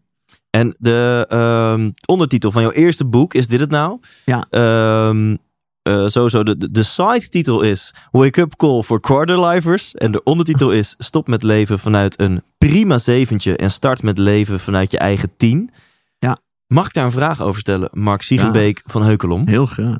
Ehm, wat nu als je leven, want we gaan straks gaan we het over dat prima zeventje hebben. Dat Ja. resoneert bij veel van mijn luisteraars. Alhoewel veel van mijn luisteraars zitten al op die dikke 9 plus natuurlijk. Maar eh, ook voor die mensen gaan we straks tips geven.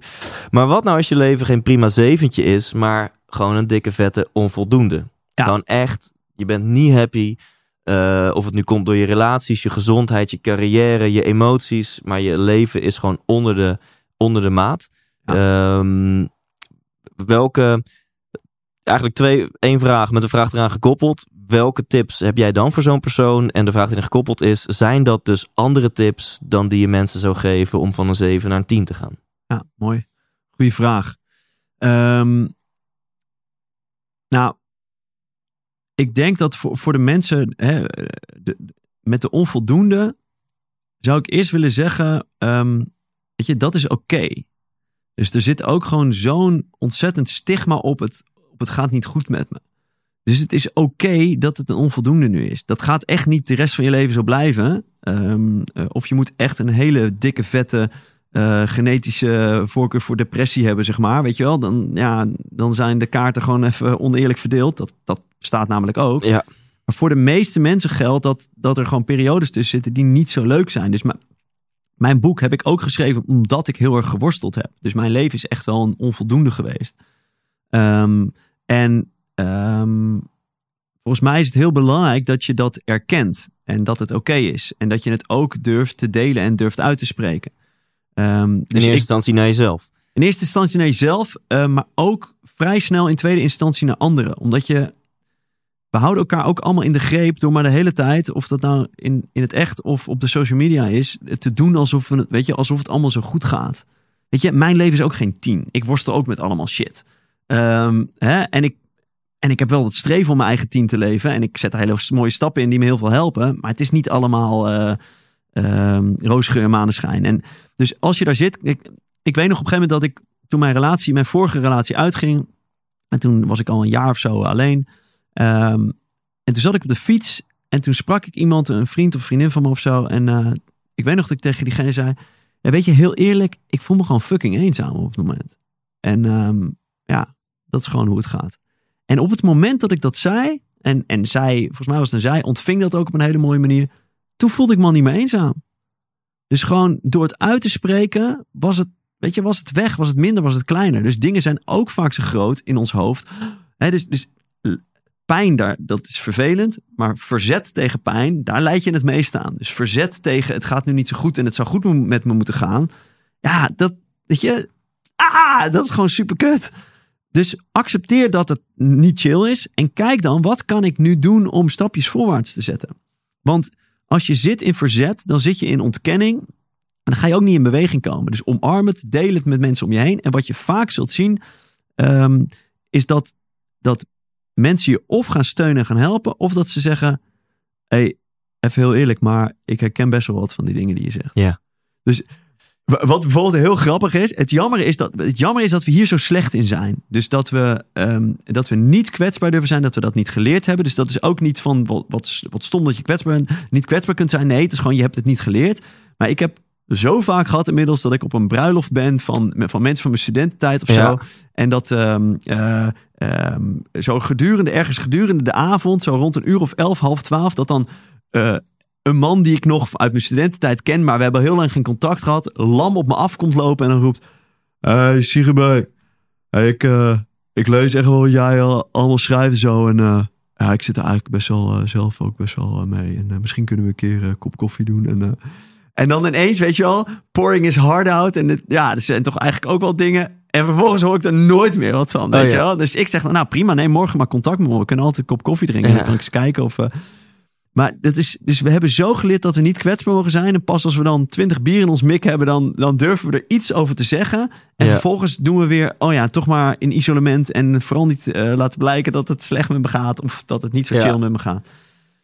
Dus, dus dat is mijn tip aan die mensen. Weet je, accept it, face it. En, en ga dan kijken. En wat kan ik nu doen om verder te komen? En, en weet dat het, eh, weet je, dat ook al is het nu even heel donker en duister en niet zo chill. Ja, eh, dat zijn maar net als de wolken aan de lucht. Er zit echt een blauwe lucht achter, weet je wel? En dus ook, we komen straks nog bij eh, helemaal naar de meditering, hoop ik. Maar dit is een, dit is een eh, ja, maakt mij geen reet uit waar we het over hebben. Ik vind dit ook prachtig Ja, mooi. ja, ja. Maar ehm, eh, dus een, een bekende metafoor in meditatieland in, in, in, in, van de boeddhisten is, is, is de hemel. En, en, ehm, en dat, dat er wolken zijn, maar dat, er al, dat je, dat je Ja. kunt beseffen dat het, dus, oh, hoe, hoe heftig de storm in je hoofd is, er is altijd een blauwe, blauwe hemel achter. Ja. Nou, dus weet je, en die is heel moeilijk te zien. Dus een van de, van de oefeningen uit mijn tweede boek is om dat gewoon een keer letterlijk mee te maken. Dus ik was op een gegeven moment in Zwitserland bij een vriend van me.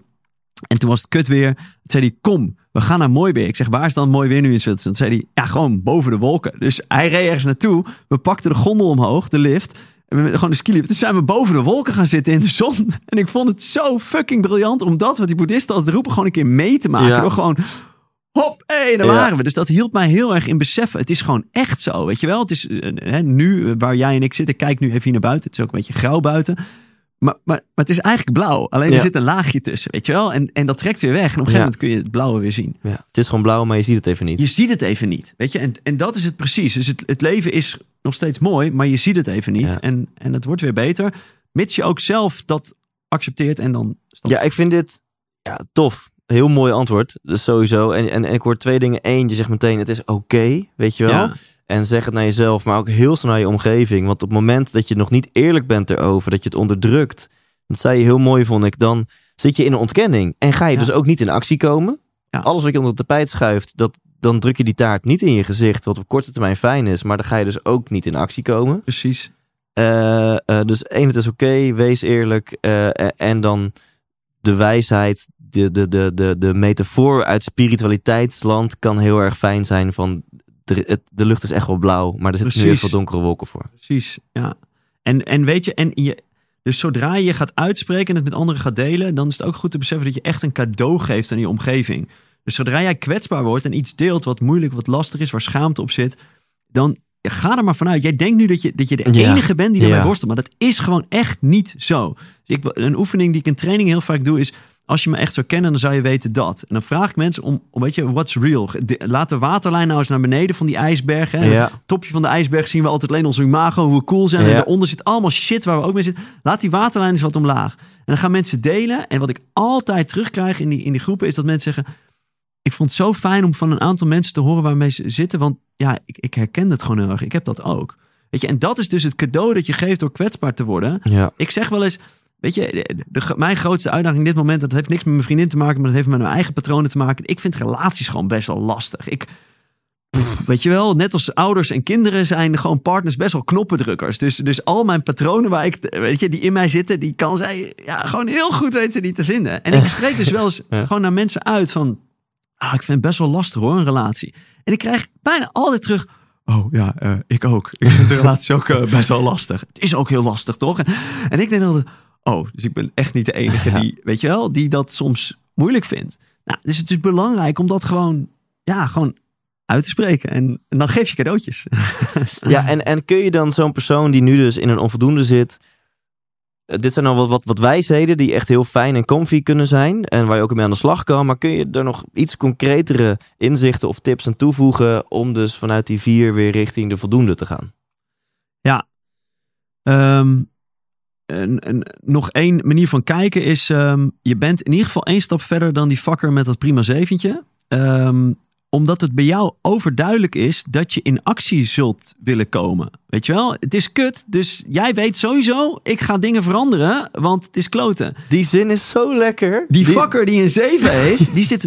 Ja, maar het is nu eh, toch ook wel prima. En, Ja, eh, en die is ook weer bang om zijn zeven te verliezen. Precies, jij hoeft niet bang te zijn om die fucking 2 te verliezen. Weet je, veel erger gaat het, veel kutter gaat het niet worden. Dus je een, een- een, een 2 of een 3 of een 4 in de waagschaal leggen om mogelijk naar een 10 te komen, is een veel kleinere opoffering dan die 7 eh, of die 8, weet je wel. En want, want dat is waarom ik dat boek geschreven heb, omdat ik die fuckers een beetje. weet je, Ja, nee, jij wil die zeven vakkers wil je wakker ja, en, ik zeg nee dat vakkers, maar ik was zelf eh, natuurlijk ook zo Ja, iemand. ja. En sterker nog, mijn hele klantenbase zijn, eh, dus vakkers is misschien niet zo goed woord, maar dat zijn gewoon mensen die daarmee worstelen. Ehm, maar dus, dus voor de onvoldoende, je hebt een hele mooie blog van, eh, van Wait But Why. Dat gaat over eh, de, de, de perfecte relatie vinden of zo. En dan laat hij ook zien dat als je nu single bent, dat je één stap voor bent op iemand die in een kutrelatie zit. Ja, Want iemand die in Ja. een kutrelatie zit, moet eerst die kutrelatie verbreken, dan een tijdje single zijn en dan pas kan hij die ideale relatie gaan opzoeken. ja. Dus als je single bent, dan loop je een stuk voor op een heleboel andere mensen. En ik vond dat zo, zo vrij, eh, weet je, een vrijheid geven. Ik dacht, oh, wat een mooi inzicht. Ja. En dat is hier ook mee, weet je. Jij, dus, wat heb jij, jij hebt urgentie. Ja. Jij voelt dat het kloten is. Dus nou, maak daar gebruik van. En waar ik dan naartoe zou gaan, dus, dus wat je ziet is dat geluk vaak samenhangt met, met eh, energieniveau. Dus ga goed voor jezelf zorgen. Zorg dat je energie omhoog gaat. En dat doe je op de fysieke, de emotionele, de mentale en de spirituele dimensie. Dus ga dagelijks goed voor je. Dit is Sharpen the Saw, Habit 7 van Stephen Covey. Voor de nerds onder ons. Voor de nerds onder ons. Ga dagelijks voor jezelf zorgen door op voeding, eh, slaap, eh, beweging, ontspanning te letten. Dat is allemaal fysiek. Ga kijken naar je emotiehuishouding. Dus hoe herken ik en manage ik mijn eigen emotie en die van anderen? Ga Ja. je emotionele intelligentie werken. Ga naar een psycholoog. Leer je patronen te doorzien. Laat je coachen. Zorg dat je emotioneel jezelf ontwikkelt. Zodat je ook emotioneel voor jezelf kunt zorgen elke dag. Hè, dat je Ja. even eh, vijf minuten bij, je, bij jezelf incheckt. Hoe gaat het eigenlijk met me? Ga bodyscan meditaties doen om meer met je lichaam in, in touch te komen. Nou, allemaal dat soort shit. Dan mentaal, ga goed voor je hersenen zorgen. Stop, stop met social media.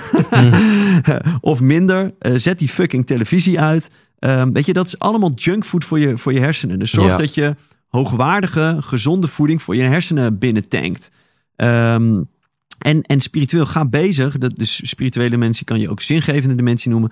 Ga bezig met wat is nou belangrijk voor mij, weet je wel? Ga, ga jezelf dagelijks doelen stellen en die halen. Eh, ga bezig met wat wil ik op lange termijn bereiken? Waarom ben ik op aarde? Eh, ga existentiële vragen beantwoorden voor jezelf. Ga er boeken over lezen. Zorg dat je gewoon eh, daar ook wat richting gaat voelen. Want er is niks kutter dan uit je bed opstaan en gewoon niet weten waarvoor je het doet. Weet je, Ja. dat kost gewoon een bak energie. Ja. Dus zodra je een antwoord krijgt op wat is het doel van mijn leven, of je dan een mission statement giet, of dat je een religie gaat aanhangen, wat ik niet zou adviseren, maar voel je vrij. Eh, Ja. hè, maar, maar, maar wel de spirituele antwoorden vindt of whatever. Eh, maar zoek iets dat jou dat je richting geeft. Nou, en dus, dus als je voor jezelf gaat zorgen, fysiek, emotioneel, mentaal en spiritueel zingevend, dan, dan gaat er wat gebeuren. Weet je wel? Dan komt er een soort van voorwaartse energie. Dan wordt het leuk om, om jezelf eh, te verbeteren, om meer energie te hebben.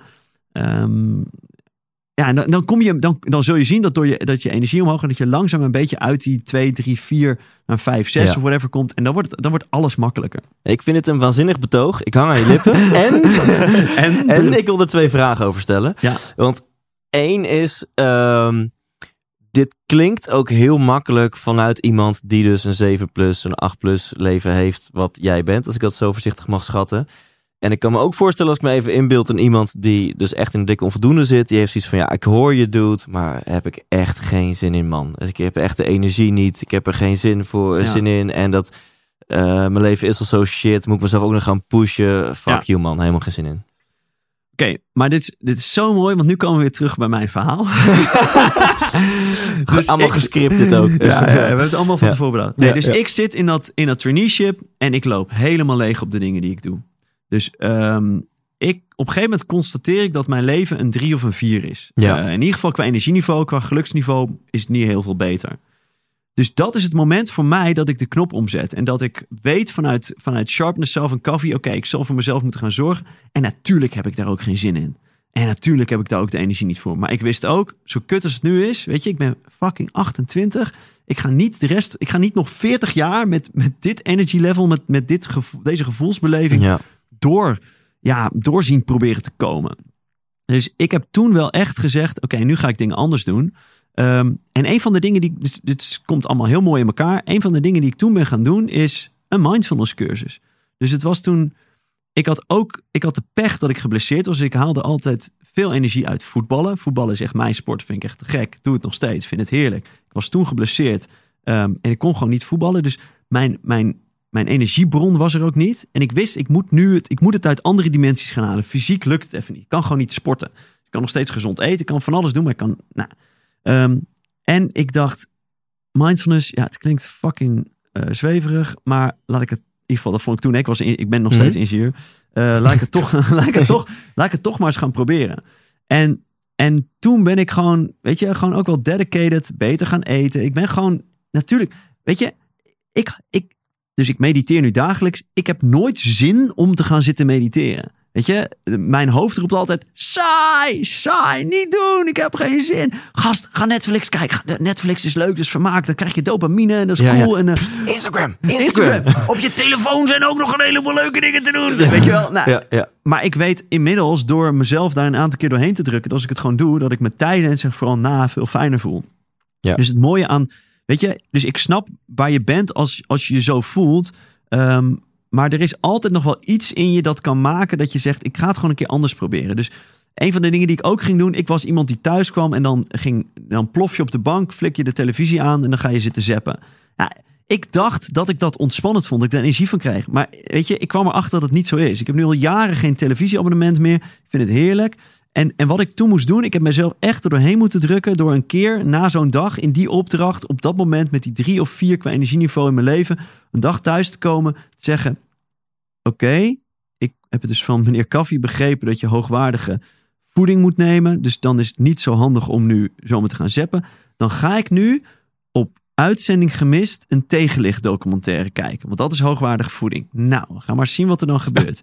Ik zet dat ding aan. 50 minuten later loop ik, weet je, echt psyched door het huis. Het was zo interessant en wat cool. En ik heb allemaal inzichten. Weet je wat? Ik denk dat ik even een rondje ga sporten. Ik, dus er gebeurde precies het tegenovergestelde van wat met dat, wat dat zeppen gebeurt. Als Ja. we denken, ik ga ontspannen. Vaak is, is, is ontspannen niet per definitie ontspannen. Dus ik zeg ook vaak, weet je, één Netflix-aflevering ontspannen. Daarna is het een vlucht. Abs- Of, ja. weet je wel, dan, Ja. dan is het gewoon, dan, is- dan is het een vlucht of verslaving Precies. of iets in die richting. Je wil gewoon even je brein uitzetten. Je wil gewoon even op de autopilot. Helemaal oké. ehm, maar Voor- som, maar ja. soms werkt het beter om 20 minuten te gaan mediteren dan, dan drie. Netflix-afleveringen. Want het is gewoon vluchten, vluchten, vluchten, verdoven, verdoven, verdoven. Lekker eh, dopamine verslaafd zijn. Ehm, en dan kun je beter wat anders gaan doen. Dus weet je, als je daar zit, doe het alsjeblieft één keer. Doe één keer iets wat je misschien niet primair meteen heel leuk vindt. Of het nou sporten is, een documentaire kijken, mediteren. Maar ga iets doen waarvan je vermoedt dat het je daarna meer energie Ja. gegeven zal hebben. En dan kom je in, dus waar je in een neerwaartse spiraal zat, kom je in een opwaartse spiraal. Want dan was het, oh, ik heb best wel energie gekregen van de documentaire. Ja. Nou, nu ga ik ook nog even sporten. Ja. Word je volgende lekker wakker en dan denk je, als ik gesport heb, eet ik gezonder. Dat weet ik gewoon. Ja. Als ik een tijdje niet gesport heb, ga ik snoepen. Weet je, dus die dingen, die, ja, die Ja. haken in elkaar. Ja, ik denk wat je met, met, met je persoonlijke verhaal heel mooi omschrijft, is eigenlijk, je hebt het over keuzes. En waar komen die keuzes vandaan? Die komen uit je standaarden. Ehm, wat houdt het in, standaarden? Stel, jij, jouw leven is dus echt een onvoldoende, je gelukslevel en, en je energielevel, wat ook bij jou het geval Ja. was. En jij op ergens heb jij op bewust of op onbewust niveau een standaard van dat is oké, dan maar gewoon het leven van een vier. Ja, dat is best wel heavy. Dan, Ja. En dan ga je dus net niet in actie komen. Maar Ja. ergens bij jou ging een alarm af van hey, this is not what I bargained for. Mijn leven is nu een vier en ik wil geen leven van een vier. Ehm, en dan, ja, dat heet een soort van je interne thermostaat, de Big Leap. De, de Gay Hendricks eh, heeft er ook een heel interessant hoofdstuk over.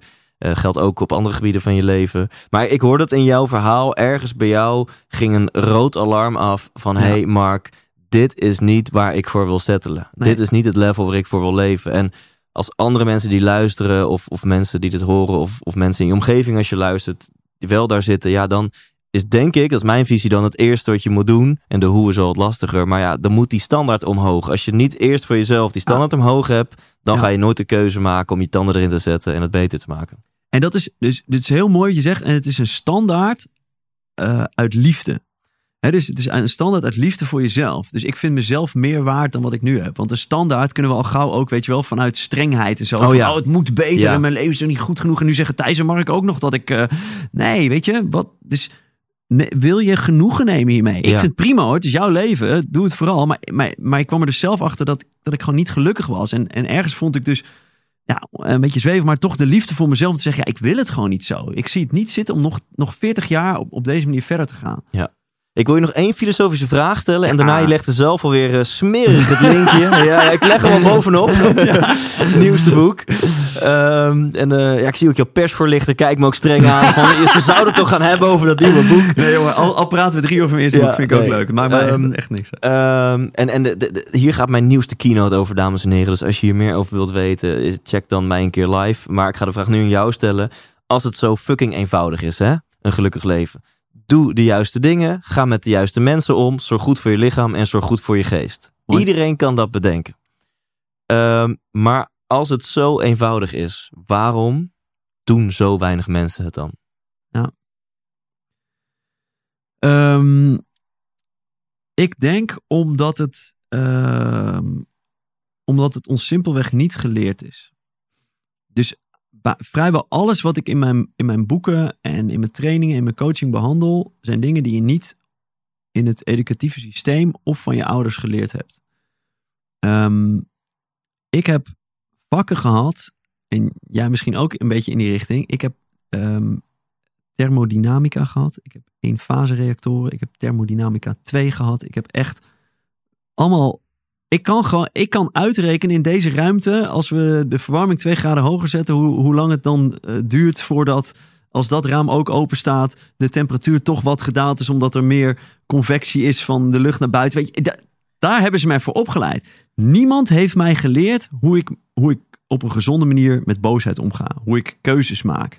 Eh, hoe je, ehm, ja, weet je, noem maar op. Al die dingen, al die, die, die essential, belangrijke levensdingen, ehm, die, ja, die hebben we niet geleerd. Dus nou ja, hoe zorg je voor jezelf? Eh, welke vier dimensies zijn er? Hoe pak je dat aan?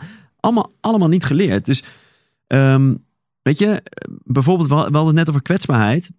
Ik heb eens met mijn ouders over kwetsbaarheid gehad. Ze zeiden, Mark, weet je, ik vind het heel mooi en zo en tof dat jij dat leert en dat je dat in je traineeship.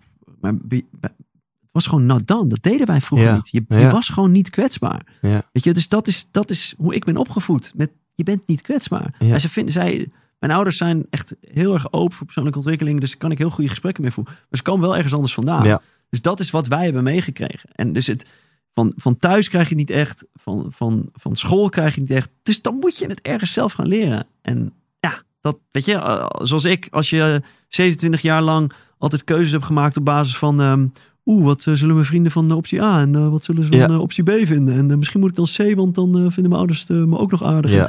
Ja, weet je, als je dat 27 jaar lang gedaan hebt, dan wordt het heel moeilijk om, om eh, de volgende, eh, eh, de 27 jaar linksaf en dan, en dan Ja. ineens rechtsaf. Dat is vrij lastig. Ja. Dus dat vergt dan ook wat, ja, eh, wat dingen afleren, wat dingen aanleren. Eh, dus het is ook een proces. Dat is niet in één keer. Maar weet je, met kleine stapjes, weet je, vier successen. Ga gewoon, ga één keer die documentaire kijken in plaats van eh, de hele avond zappen. Weet je, daar begint het mee. ja. Mooi, jouw, jouw antwoord is heel duidelijk. Je zegt het zit niet in onze nurture. Nee. Hoe zorg ik voor liefdevolle relaties? Hoe maak ik de juiste keuzes? Ehm, hoe blijf ik trouw aan mezelf? Et cetera, et cetera.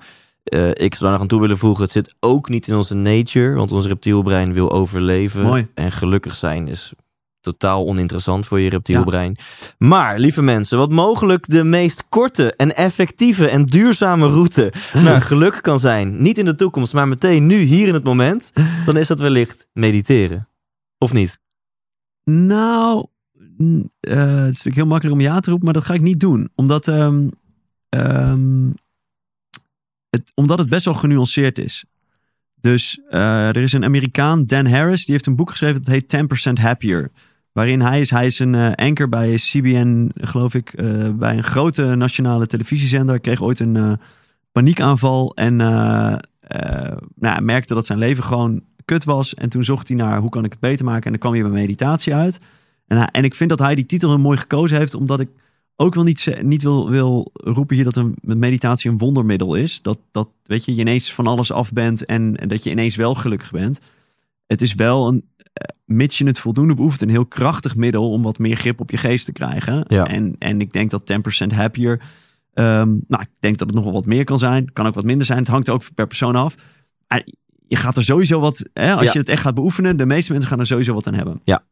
Ehm, Het, het klinkt als een realistisch statement. Regelmatig mediteren is een boost van 10% op je geluksniveau. ja, ik denk dat dat, ik denk dat, dat heel, heel realistisch is. En, ehm, ehm, nou, en, en ook nog deze disclaimer. En dan kunnen we daarna helemaal lyrisch en psyched gaan zijn. De wetenschap is er nog niet uit. Dus eh, ik, in mijn boek doe ik het ook. Haal ik heel veel eh, onderzoeken aan die laten zien wat het wel niet allemaal voor je, eh, voor je fysieke gezondheid, voor je mentale gezondheid, voor je emotionele huishouding. Echt, er, meditatie heeft superveel potentie. Het zit niet voor niets in de grote wijsheidstradities tradities, over de hele wereld opgenomen in enige vorm. Soms heet het bidden, soms is het letterlijk mediteren, soms is het weer een andere vorm. Ehm, ehm, maar, maar, maar er zijn voldoende wetenschappelijke artikelen die nu zeggen, weet je, er is wat. Er zijn ook meta-analyses die zeggen, ja, ho eens even. eh, het is echt niet beter dan de andere therapieën die we eh, te Ja. bieden hebben. Eh, sterker nog, al die mensen die zo psyched zijn, al die, die onderzoekers, die geven zelf die cursus. Natuurlijk, er zit heel Ja, veel bias ja. in. Dus nou, ik heb het idee dat er, weet je, ik, ja, mijn gevoel is dat het, dat het de wetenschap wel echt duidelijk de richting in wijst van guys, hier is Ja. wat. Hier, hier, hier kunnen we nog veel meer uithalen. Ik vind het wel belangrijk om deze kritische noten bij te, te zeggen. Eh, omdat het is te makkelijk om te cherrypicken en te zeggen... de wetenschap Ja, roept ja. dat je er veel gezonder van... Het zou ook een hype kunnen zijn. En, en dat we er over 10 of 20 jaar achter komen van... Wah, ja, dat dachten we toen, maar eh, Nou. nee. Ik, ik, ik denk het niet. Maar het is goed om... om hey, ik Ja. hou van nuance. ik vind dat belangrijk. Nee, dat maakt je ook geloofwaardig. Ik vind het tof. Een interview wat eerder deze maand online is gekomen is van eh, Mark Tichelaar. Mark met de K. Ja. Oh, Jouw Mark is ook met de K, Ja. zie ik. Ja. En ehm, die, die, die heeft over focus. eh, focus aan, focus uit, zo heet zijn boek. En die zegt het is gewoon heel goed dat je brein af en toe uit is. Mooi. Maar Wacht. wij zetten onze brein soms uit. Denken we, oh, ik heb nu een uurtje hard gewerkt, of twee uur of een dag. Ik ga als ontspanningsactiviteit ga ik even mijn timeline checken. Ja. Of even een Netflix-serietje, even ontspannen. En hij zegt, dat is voor je brein exact hetzelfde als werken.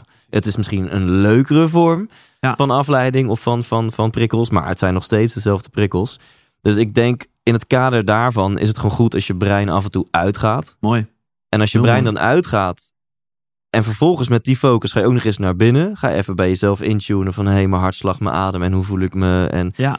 Ik denk dat dat een hele wijze besteding is van eh, 10 minuutjes per dag. Ja, en, en dit is ook hoe. eh, het is veel gecompliceerder dan dit, maar even grofweg hoe de wetenschap dan, dan uitlegt dat, dat meditatie werkt.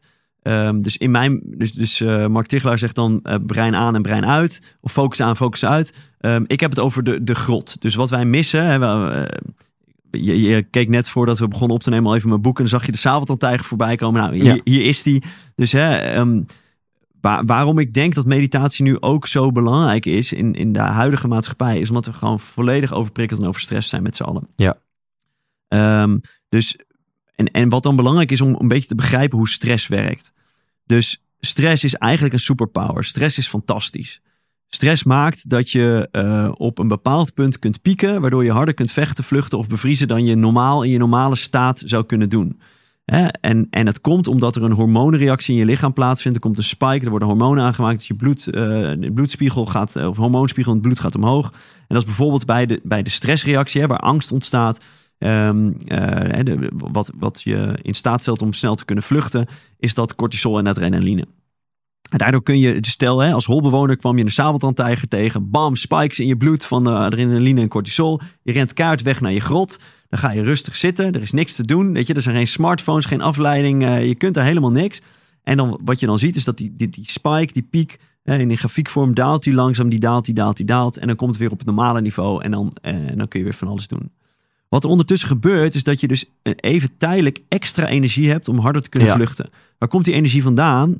Dat komt omdat je lichaam andere processen even onhold of op een lager pitje Ja. zet. Zoals daar zijn eh, je weerstand, je libido, je spijsvertering. Nou, noem maar op. Ehm, het is niet zo belangrijk om je voor te planten eh, als je in oog in oog met een sabeltandtijger staat. Evenmin met spijsverteren. Dus je eten hoef je even niet te verwerken. Weet je, maakt allemaal niet uit. Ehm, weerstand, virussen zijn ook minder belangrijk. Weet je, dat is allemaal lange termijn. De korte termijn moet het nu gefixt. Dus het is een prachtig systeem. Stress is echt fantastisch wat dat betreft. Maar in deze maatschappij is die sabeltandtijger is, is niet meer een sabeltandtijger, maar dat is een baas en een deadline en de kinderen die van de crash gehaald moeten worden. En steeds als je de piek hebt gehad en als je denkt, nu kan ik even ontspannen, dan komt de volgende en dan Ja. komt de volgende. En dat voeden we dan zelf ook nog door te zeggen, hey, en ehm eh, oeh, maar dopamine is wel lekker. Dus ik, ik wil die adrenaline cortisol, die zit zo hoog, die wil ik even niet voelen. Ik wil dopamine, dus ik ga dat katfilmpje op Facebook kijken. En nu ga ik nog even Netflix en nu ga ik nog even gamen en nu ga ik...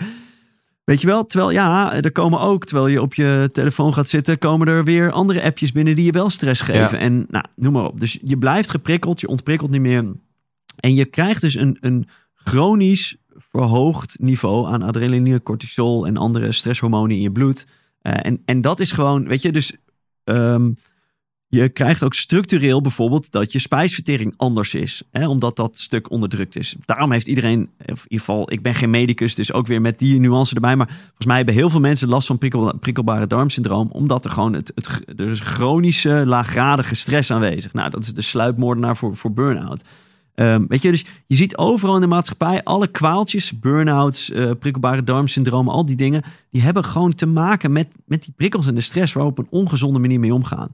En wat we missen is die grot, want die is er niet meer. En dat, dat is waarvan ik zeg tegen mensen, meditatie, dat kan je eigen grot zijn. Dus door gewoon één keer per dag even chill, stil te gaan zitten, geen nieuwe prikkels tot je te nemen, je daar even voor afsluiten, heb je in ieder geval geen nieuwe input. Ja. Als je dan ook nog op je ademhaling gaat letten, dan lukt het je misschien om niet, weet je wel, in die cirkeltjes van je gedachten te blijven eh, Ja. rumineren. Ehm, en, en als je dan bijvoorbeeld even op je lichaam let of op geluiden om je heen, dan ben je heel eventjes ben je in het nu. Er zijn er even geen nieuwe gedachten, dan ga je even niet, eh, raak je even niet helemaal de weg kwijt. Dan wordt het even wat rustiger. Dan kun je lichaam rustig ontspannen, dan kun je geest ontspannen, dan zeggen je emoties. Ah, dat is best wel Dus vroeger kwam je op een dag kwam je zes keer een sabeltandtijger tegen. En had je dus zes letterlijk levensbedreigende situaties op één dag. Waar je gigatrauma's aan over zou kunnen houden. Maar je ging even naar je grot. Dan kon je even ontspannen. En kon het cortisol eh, even dalen in je, in je bloed.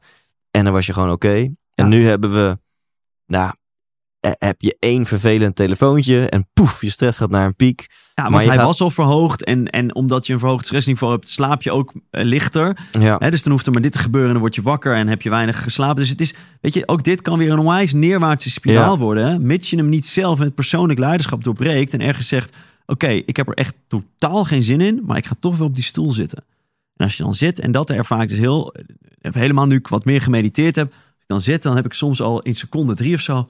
ja. Oh ja, dit was. Oh, dit is. Nou, dat zal je niet, de eerste keer heus niet meteen hebben, maar dat kan dus wel komen. En, en sowieso daarna. En, en het is niet altijd dat je ontspannen uit de meditatiesessie loopt. Je hoofd kan ook heel druk zijn. Dan ben je de tijd aan het observeren hoe druk je Ja. hoofd is. Dan is het nog steeds beter voor je geweest, denk ik, Ja. dan vluchten door eh, ja, te gaan zuipen of Ja. eh, drugs te gebruiken of eh, whatever, porno te kijken of wat je dan ook maar doet om maar niet te hoeven voelen dat het even niet zo chill voelt en dat je volstrekt overprikkeld bent. Of de, dus de, de, de, de zachtere vormen, veel Netflixen, veel gamen, Ja. whatever. Ik zag laatst een filmpje van een comedian die helemaal pro-meditatie is. En die zei ook, ja, wat heel veel mensen doen, die gaan de hele dag gaan ze maar door, door, door, door, door. En de kinderen naar bed en Instagram en timeline en vaatwas inruimen. Nog even een Netflix-serietje hebben, uh, wessel was opruimen, drukken, drukken, druk. En dan zegt ze, ja, maar ik rust als ik naar bed ga. En dan zegt ze, ja, dat is niet rusten, dat is gewoon je stopt. Dat is gewoon één- mooi, Zo, mooi. helemaal druk. En je stopt gewoon Ja. voor acht uur en dan ga je weer verder met druk Ja. zijn. Dat heeft Ja. niks met rusten te maken. Mooi, heel mooi. En mediteren is een mooie middenweg tussen, Ja. tussen die twee. Ja. Dat je dus bewust, ehm, ja, ik denk dingen verwerkt en de, de, de, de, de lagere frequenties opzoekt. Ja, even voelt hoe het met je gaat, weet je wel. Dus als je Ja. de hele dag rent, dan heb je vaak ook niet door hoe het met je gaat. En een van de dingen die je kunt doen in meditatie is gewoon naar je lichaam gaan en jezelf de vraag stellen: hoe gaat het eigenlijk met me? Oh, mijn hartslag zit eigenlijk best wel, die is best wel hoog, mijn adem zit hoog. Oh, misschien ben ik een beetje gestrest. Oké, wat vind ik daarvan? Nou, ik hoef er helemaal niks van te vinden. Wat wil ik ermee? Nou, eh, misschien wel chill om voor ik de volgende meeting inren, om nog even vijf minuten nu Ja. hier te blijven zitten en even op mijn ademhaling te letten. Ja. Dat ik, dat ik, weet je, als het maar vijf minder, 5% minder gestrest, dan denk ik dat ik effectiever ben in die meeting en dat ik gelukkiger ben. En ja, weet je, als dat het al oplevert. Ik had toevallig, en nou wil ik mezelf niet perfect voordoen, want ik maak zo vaak ook de, de, de fout van wel doorgaan, terwijl ik rust had moeten pakken. Maar toevallig, voordat jij kwam, uurtje ervoor of zo, merk, ik zat achter mijn beeldscherm en ik heb netjes mijn to-doetje voor vandaag eh, had ik uitgepind naast mijn beeldscherm liggen. En ik merkte echt van, ik zit als een zombie naar mijn scherm te staren en de energie is er gewoon niet. En toen, daarom ligt hier die Fatboy. Die heb ik even uit onze eh, archiefkast gehaald. Want ik denk, even een powernappy. Wat even- goed. Even ja, plat. perfect. De Dalai Lama zegt dat eh, eh, slaap de beste vorm van meditatie is. Dus dat heb je goed aangevoeld. Ja, kijk. Maar dat spreekt dan die comedian weer tegen waar ik het over had. Ja, nee, dat is ook meer een, het is een knipoogopmerking van de Dalai Lama. Oh, oh, oké, cool, cool. Ehm, maar ik wou het intelligent aan je vragen. Eh, nou, ik wil één, één intelligent ding zeggen en dan wil ik een vraag aan je stellen. het intelligente wat ik wil zeggen, ik denk als je vaker mediteert, en want we hebben het even over die 10% geluksboost. Tijdens een meditatie is het bijna onvermijdelijk dat je dingen voelt die er aan de hand zijn. Dat je ineens, dat, dat, dat je, ik wijs je naar mijn onderbuik, daar voel ik het, misschien voel jij het op een hele andere plek. En dan voel je van, oh wacht, eh, dit gaat wel lekker, dat gaat minder lekker, daar ben ik niet zo tevreden over. Dit gesprek moet ik misschien eens voeren, dit moet misschien veranderen in mijn leven. Ik denk als je mediteert en vervolgens de bijzonder waardevolle inzichten die je opdoet tijdens je meditatie, als je daar vervolgens in de praktijk ook wat mee doet, Ja, dan denk ik dat die geluksboost veel meer kan zijn dan 10%.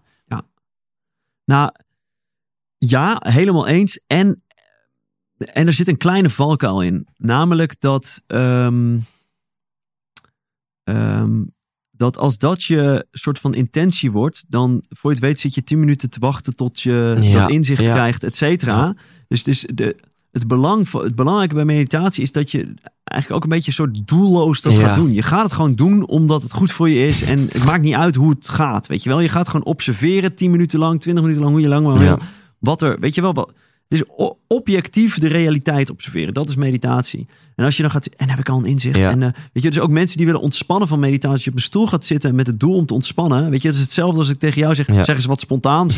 of eh, eh, ik, nou, ja, je, mag niet boos worden, weet je wel. Dat zijn van die, van die boodschappen waar je niks mee kunt. Dus ook Ja. nou, nu eh, wachten tot ik, eh, tot ik ontspannen word. Ja. Dan zit je dus gespannen te wachten op iets wat niet zal komen. En wat ik van mezelf weet, en dat ken ik ook van mensen om me heen, is dat ik kan, ik kan hele belangrijke inzichten hebben in meditatie. Ehm, maar, maar het kan ook een beetje zo werken als ik soms, nou, dat heb ik, had ik vooral vroeger. Ik denk dat ik sinds ik mediteer slaap ik veel beter, kom ik vooral veel beter in slaap. Maar ik kon ook nog wel liggen piekeren, malen, rumineren in mijn bed voor ik in Ja. slaap viel. Ehm, dus als ik iets, als een winst van meditatie is geweest, is dat dat eigenlijk niet meer echt bij mij bestaat in mijn leven. Dat is wel heel chill. Gewoon slecht slapen, slecht in slaap komen bestaat Slecht in bijna slaap niet meer. komen, dat, dat is Heerlijk man. ja, dat is echt bijna niet meer. eh, omdat ik gewoon dan weet, ja, ik heb er al drie keer over nagedacht. Heeft geen zin meer, ademhaling. En dan ga ik naar mijn ademhaling. En dan val ik ergens een keer in slaap. En dan kom ik misschien nog wel een keer terug, maar denk ik, ja, nee, heeft geen zin.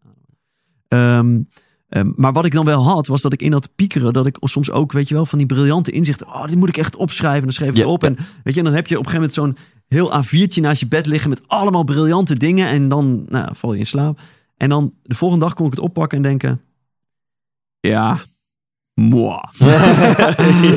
Zo briljant was het Not ook weer so niet. much. En dat heeft me wel geholpen om te zien dat al die, die briljante ingevingen die je tijdens meditatie hebt. Dus ik had gewoon een meditatieleraar die zei, ehm, of dat was zelfs Andy van, eh, volgens mij was het Andy van Headspace, die zei, ehm, als je mediteert mag je het niet onderbreken om dingen op te schrijven. Mm. Dus voor mij is dat een stelregel. Oh ja. Als ik mediteer, hoe briljant het, in, de in, het inzicht ook is, ik ga gewoon door. En ik heb dus vaker dan eens dat ik uit een meditatie kom, vooral als het een wat langer is, dat ik denk, er was nog iets, kut, kwijt. Maar dan weet ik nu ook, nou, dan was het dus niet Ja, belangrijk. ja. En dat helpt ook heel erg in, in het niet vastklampen aan, oh, ik heb zo'n briljant inzicht over mezelf. Of, eh, Nee, en als ze wel blijven hangen, prachtig, dan waren ze blijkbaar Ja, belangrijk. ja, en dan cool. ben ik het helemaal eens, met je eens, doe er dan wat mee. Ja, oké, cool. Dat vind ik een hele goede aanvulling. Eh, wat, wat ik nog wel het fijnste vind van, van mediteren, is dat ik, en dat lukt ook niet altijd, want als dit weer verwachtingspatroon wordt, dan vind je het ook weer kut als je het niet haalt. Maar wat me vaak lukt, is dat ik een bepaalde staat van gelukzaligheid eh, bereik, die ik anders bereik na een hele vette gig, of na een hele leuke date, of na een potje drummen. Eh, en dan, heb ik dus echt een soort van voorwaardelijkheid nodig. Dan moet er iets tofs gebeuren en dan kan ik me Mooi. top of the world voelen. En dat kan ik soms binnen een paar minuten al ervaren. Zonder dat er iets in de hand is. Door gewoon in mijn Ja. eentje thuis te zitten. He- heb jij, want ik herken heel erg wat je zegt. En, en weet je, moet, nou, dus voor mezelf om het ook niet te groot. Dus ik herken wat je zegt. Voor mij zijn het soms echt fracties van seconden. Dus ik ben, kan het ook weer heel snel kwijt zijn. Ehm, zo fleeting kan het zijn in een, in een meditatie. Maar ik ben ook benieuwd of jij hetzelfde. Ik kan dan een gevoel hebben en dan krijg ik ineens een herinnering. Dus dan ik, oké, dit is echt te leem voor woorden. Maar ik heb wel eens dat ik in meditatie zit en en dat ik ineens zo ontspannen ben dat ik door een gamewereld loop van waar ik dan eh, eh, van het spelletje dat ik speelde toen ik 15 was. En dat ik dus dan ineens weet, toen was ik dus ook zo ontspannen. Dus ik ben nu zo even zo chill. En toen, weet je wel, ik heb veel gegamed, denk ik ook, om, om te ontspannen. Ja. Dat ik ineens, dan denk waar komt die herinnering vandaan? Ah, ik voel me gewoon zoals toen. Heb je dat ook? Dat, dat Nee, die, want je zei van dat ik me zo, als ik Oh, na ja. drummen of zo, dat, dus dat die associaties Ja, nee, nee ik, komen? ik, ik loop niet door GTA Vice City in mijn meditaties. Maar ehm, ehm, bij mij is het echt een, een, een gevoel van... ehm, eh, wat zou ik nou zeggen? Ja, e- echt zo van...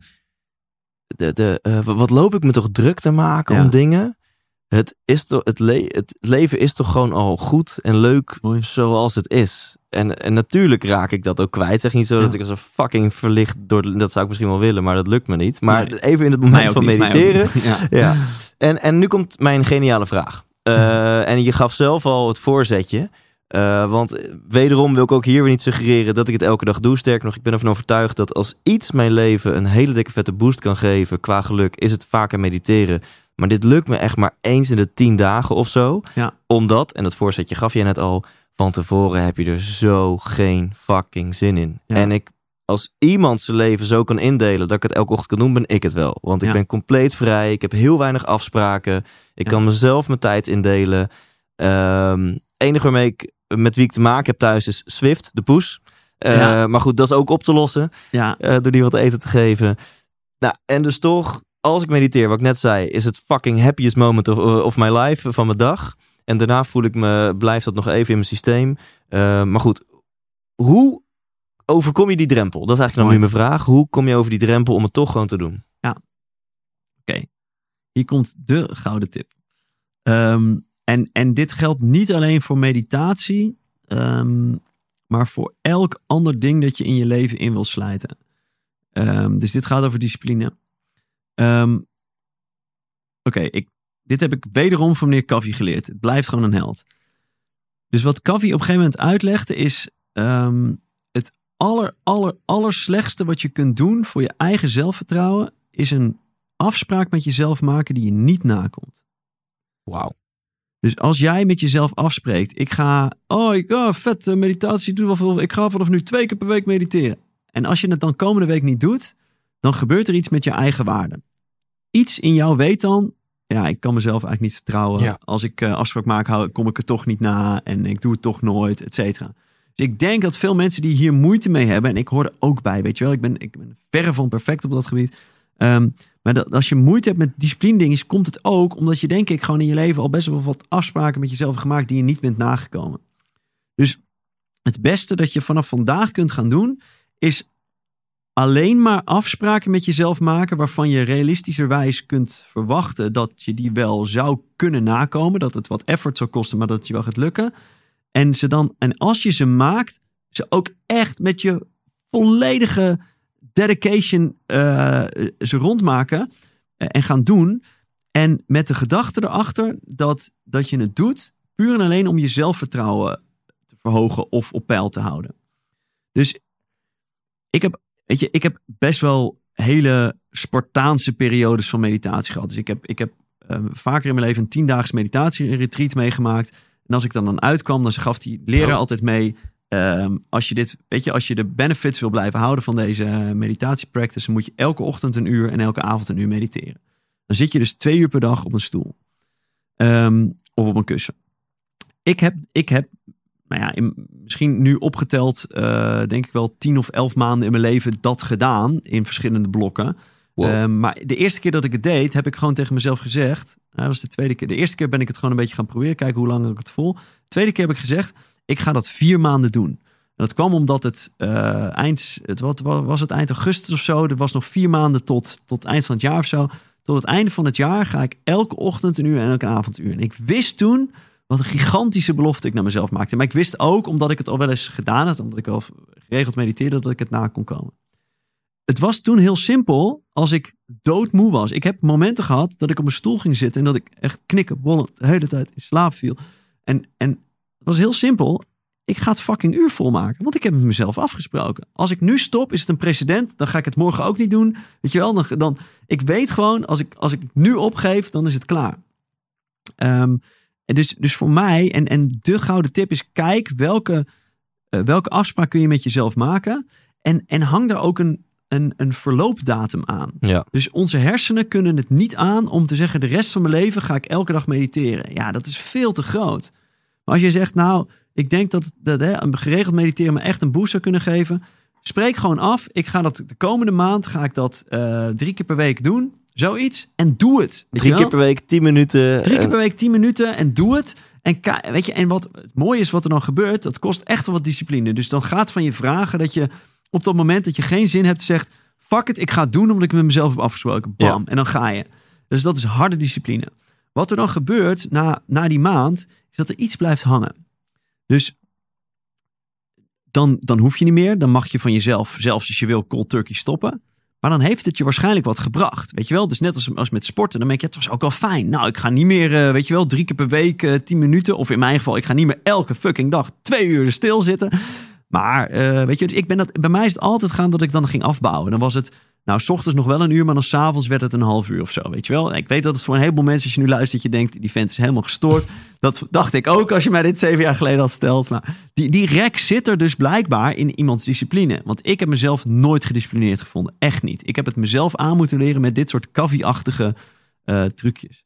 En als je dan gaat doen, en je hebt het een tijd gedaan, wat je dan merkt is dat er, er ontstaat er zachte discipline. En zachte discipline werkt als volgt. Dit is wat jij, eh, wat bijna iedereen heeft. Dus je denkt, ja, er is bijna niks wat ik elke dag doe.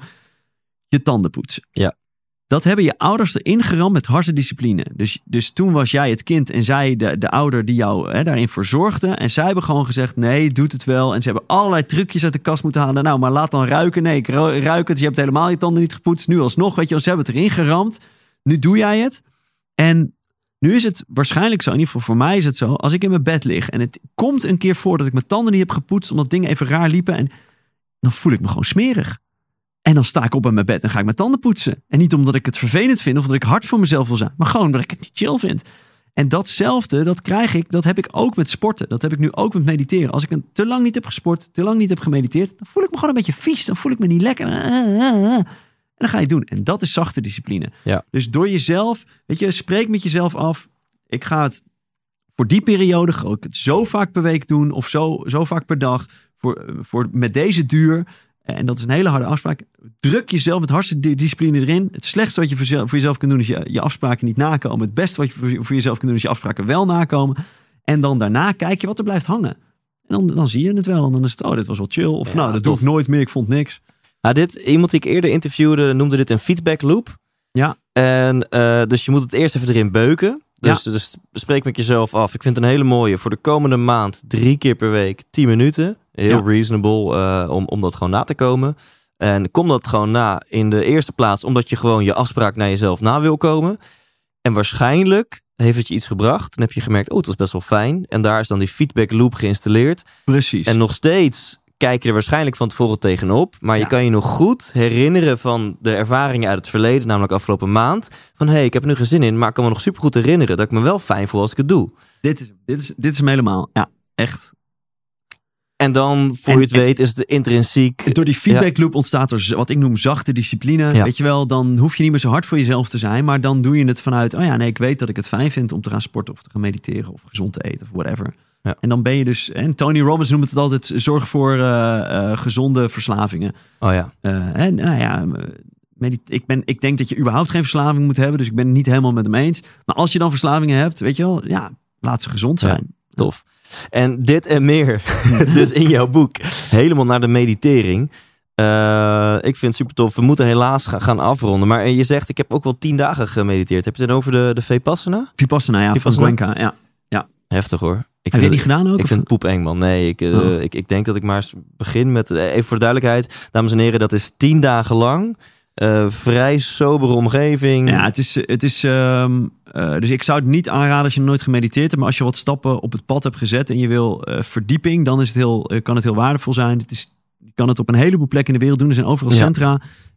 Je kijkt op damma.org. Eh, daar kun je het gewoon boeken. Het is gratis. Waanzinnig. Gratis. Ja. Je- er wordt alleen van je gevraagd om achteraf een donatie te doen. Ja. eh, zodat mensen na jou ook weer gratis kunnen komen. Ja. En het is tien dagen lang, elf uur per dag mediteren. Dus het is wel echt... eh, je, Ja, en eh, je mag niet, uiteraard moet je telefoon inleveren, je mag je niet lezen, alles in. je mag, Je niet je mag helemaal niks je mag niks mensen niet doen. Je mag aankijken. mensen niet aankijken. Dus je loopt daar rond en je moet je blik afwenden. Je mag met niemand praten. Dus het is gewoon... Je keert echt helemaal in jezelf. Oké, wat is het nummer één ding dat jij hebt geleerd slash meegenomen uit deze ervaring? Ehm, ik denk wel, eh, wel te maken hebbende met discipline. Dus het heeft mij zelfvertrouwen gegeven. Dus ik kwam erachter dat ik ehm, eigenlijk best wel een chille tijd met mezelf kan hebben. Dat ik, dat ik in mijn eentje, weet je, ik begon de mier, ik, de, eerste keer deed ik in Thailand. eh, de mieren in mijn kamer waren mijn vrienden.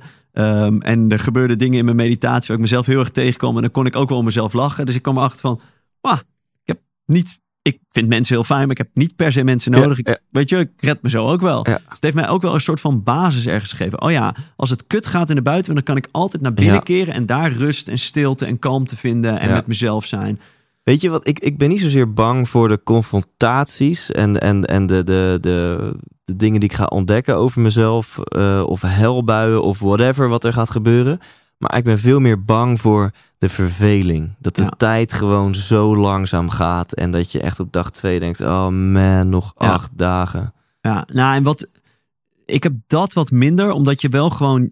Hij, weet je, je zit niet niks te doen. Die man leert je een proces aan. Hè, dus die leert je mediteren. En daar. daar dus ik, ik Het wordt op een gegeven moment wel veel van hetzelfde. Ik heb, ik, dus ik heb het vaker gedaan. Op dag 8, 9 kan ik. Dan is het wel. En hij- die, die Indiër roept ook al. Start again. Start again. En dan denk je. Nee, ik wil niet nog een keer beginnen. Ik heb helemaal geen zin meer. Maar het boeiende is, als je dan doet wat hij zegt, namelijk gaan objecteren of, objectief observeren, hoe voelt het eigenlijk om weerstand te hebben, om geen zin te hebben, om verveeld te zijn? Weet je, ook daarop kun je mediteren. Dus dat is me op een gegeven moment gelukt. Denk ik, oh, nu vind ik het helemaal niet meer vervelend. En nu ben ik aan het onderzoeken hoe voelt het eigenlijk om, om het vervelend te vinden. Nou, anyway, ehm, dat heb ik wat minder. Wat ik wel heb gehad is de, ja, gewoon tien dagen in dezelfde houding zitten. Dat gaat wel pijn doen. Eh, dus dus dat, dat is waar ik altijd tegenop zie. Maar dat is weer mijn patroon. Ik ben altijd bang voor fysieke pijn. Dus Oh, ik ja. zit dan altijd... eh, oh, Ja, ik ben dan heel ik- rebels. Ik zou dan denken, ja, maar dan ga je toch gewoon anders zitten. Ja, totdat hij tegen je zegt... en vanaf nu mag je niet meer bewegen. En dat niemand het doet in de hele zaal. Nou, dan ga, Ja. jij, dan ga je echt niet zomaar even bewegen, Ja, hoor. Dat, dat, dat, dat, dat betwijfel ik. Dat betwijfel ik. Maar eh, interessant. En, en als je daar dan uitkomt, en na die tien dagen, ehm, ben je dan echt gewoon helemaal zen en chill? Ehm, of heb je zoiets van, ah, prikkels. En het eerste wat je doet is je rent bij wijze van spreken naar de. McDonald's en je wil weer eh, porno kijken. En eh, Ja, ik heb verschillende ervaringen gehad. De eerste twee keer heb ik echt gehad dat, dat zen en chill. Dus gewoon, ik vond het ook echt kut om mijn smartphone aan te zetten. oké. Al die prikkels. Die, ik had 900 plus WhatsApp berichten gemist. Ja, logisch in 10 dagen, weet je. Maar ja, en, en, en toen op een gegeven moment, toen was ik ook weer in Nederland, kreeg ik een belletje van een vriendin of ik eh, een, een bepaalde werkopdracht, of ik die wilde. En toen voelde ik gewoon dat ik dat bracht Ja. wat spanning met. Ik voelde die adrenaline en cortisol zo door mijn lichaam gaan. Dat had ik, ik had er nog nooit zo fysiek gevoeld mee. Ik weet natuurlijk niet of het die hormonen waren, maar ik voelde wel gewoon de stress zo aantrekken in mijn lichaam. Ik dacht, oh, maar dit, maar dit voel ik dus altijd als er iets spannends binnenkomt. Maar nu voel ik het heel Ja. erg, omdat ik mijn nulpunt is gewoon Ja. zo ver gedaald. Ik ben zo ontprikkeld. Dus ja, weet je, echt gewoon, gewoon terugkomen daaruit. Ik heb echt wel heel chill rond, heel zen rondgelopen. De laatste keer, dat heb ik het in Zweden gedaan. Toen had ik ook wel... Maar toen, op de een manier was ik heel erg bezig met pizza's en chocoladetaartjes al tijdens de retreat. Dus toen zat ik, als ik hier uitkom, dan ga ik Oh. slikken. dus toen zat ik wat meer op het hedonistisch. eh, Oh ja, het verschil. Ik, ik zit even te kijken op de achterkant van je boek. En daarna, eh, iedereen die dan luistert, die rent gewoon heel snel naar bol.com of waar ever. Of helemaal deze- naar de meditering.nl. Daar je Oh, precies, dat is natuurlijk de beste plek. Dat is voor jou natuurlijk het aantrekkelijkst als mensen hem gewoon bestellen op Ja, helemaal. dan, dan, be- dan bestellen ze me ook bij Bol, maar dan gaat het via mijn site. En dat is altijd weer. Dan houdt Bol er wat minder aan over en ik wat meer. Precies. Ja. En dat, dat- we zijn allemaal zo lief dat we dat willen doen. Dus ga gewoon naar helemaal naar de meditering.nl.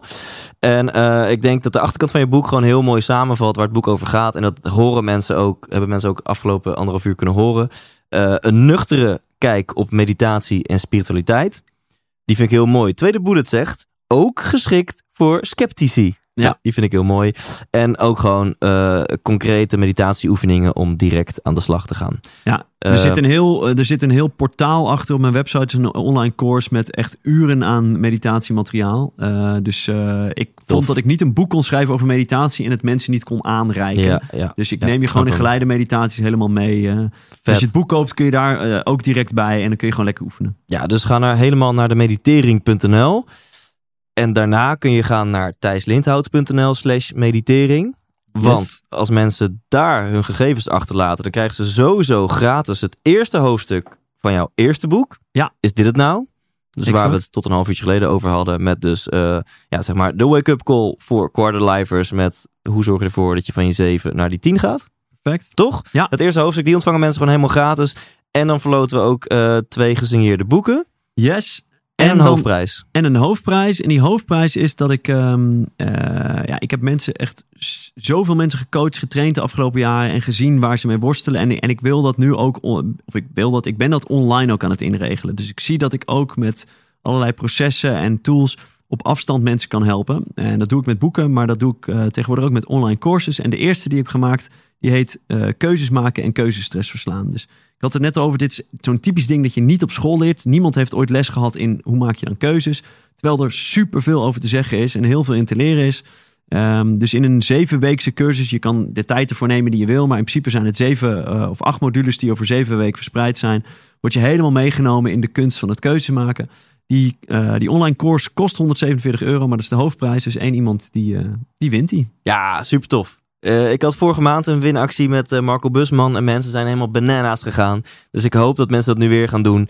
Eh, en eigenlijk alleen maar redenen om het te doen. Want op thijslindert.nl slash meditering krijg je dus sowieso gewoon het eerste hoofdstuk van... nou, als mensen kijken op, op YouTube van dit boek. Mooie blauwe boek, is dit het nou? En dan maak je dus kans op een gesigneerd boek. Yes. En de hoofdprijs, een online course in keuzes maken. yes. Wat vet man, we, we zitten op, op, op eh, over de 100 minuten. Ja, Eh, en- ik en kan er nog honderd wou- bij doen. hoor. Echt, eh, ik, ben, ik ben net op gang gekomen. Dus- Precies, we're just getting started. Ehm, dus wie weet ooit een versie 2.0. Ja, ik leuk. vind het super tof hoe snel het is ontstaan. Ja, gek. Ja, heel mooi. En ja, onwijs bedankt om hier geweest te zijn. Ik vind het altijd heel tof om over deze dingen te praten. En ehm, ik hoop de de 100% inspiratie eh, een beetje door te hebben gegeven. Nou ja, eh, ehm, ik, denk dat het ja, ik denk dat het mensen wel eens opgevallen dat je hier vrij enthousiast over bent. Ja. Over zou het gezien hebben? Komt wat enthousiasme van je af? Ja. Eh, is er dan tot slot dat je denkt, nou, 100 minuten Thijs, we hebben nog één ding niet behandeld. Is er tot slot nog één wijsheid die jij wilt delen met de kijker of met de luisteraar? Oh, jeetje. Ehm, pom, pom, pom. En als je het wel zou weten, wat zou je dan zeggen? Ja, dat is grappig. Ik stel die, die vraag, eh, die gebruik ik ook wel. Nou, dus wat, wat nu opkomt eh, is, ehm, eh, weet je, doe het niet alleen. Laat je helpen. Ehm, eh, dus Dit gaat je, over persoonlijke ontwikkeling? of? over, over alles. Gewoon, weet je, waar je ook maar tegenaan loopt. Ehm, het is zo'n valken van ons dat we denken dat we het zelf moeten kunnen op, oplossen. Dus eh, weet je, wat ik in trainingen ook vaak vertel om daar ook het stigma af te halen, is dat ik, eh, dat ik al eh, in beide relaties bij de relatietherapeut heb gezeten. Gewoon om, ja, weet je, hebben we ook niet geleerd. Hoe doe je nou goed een relatie?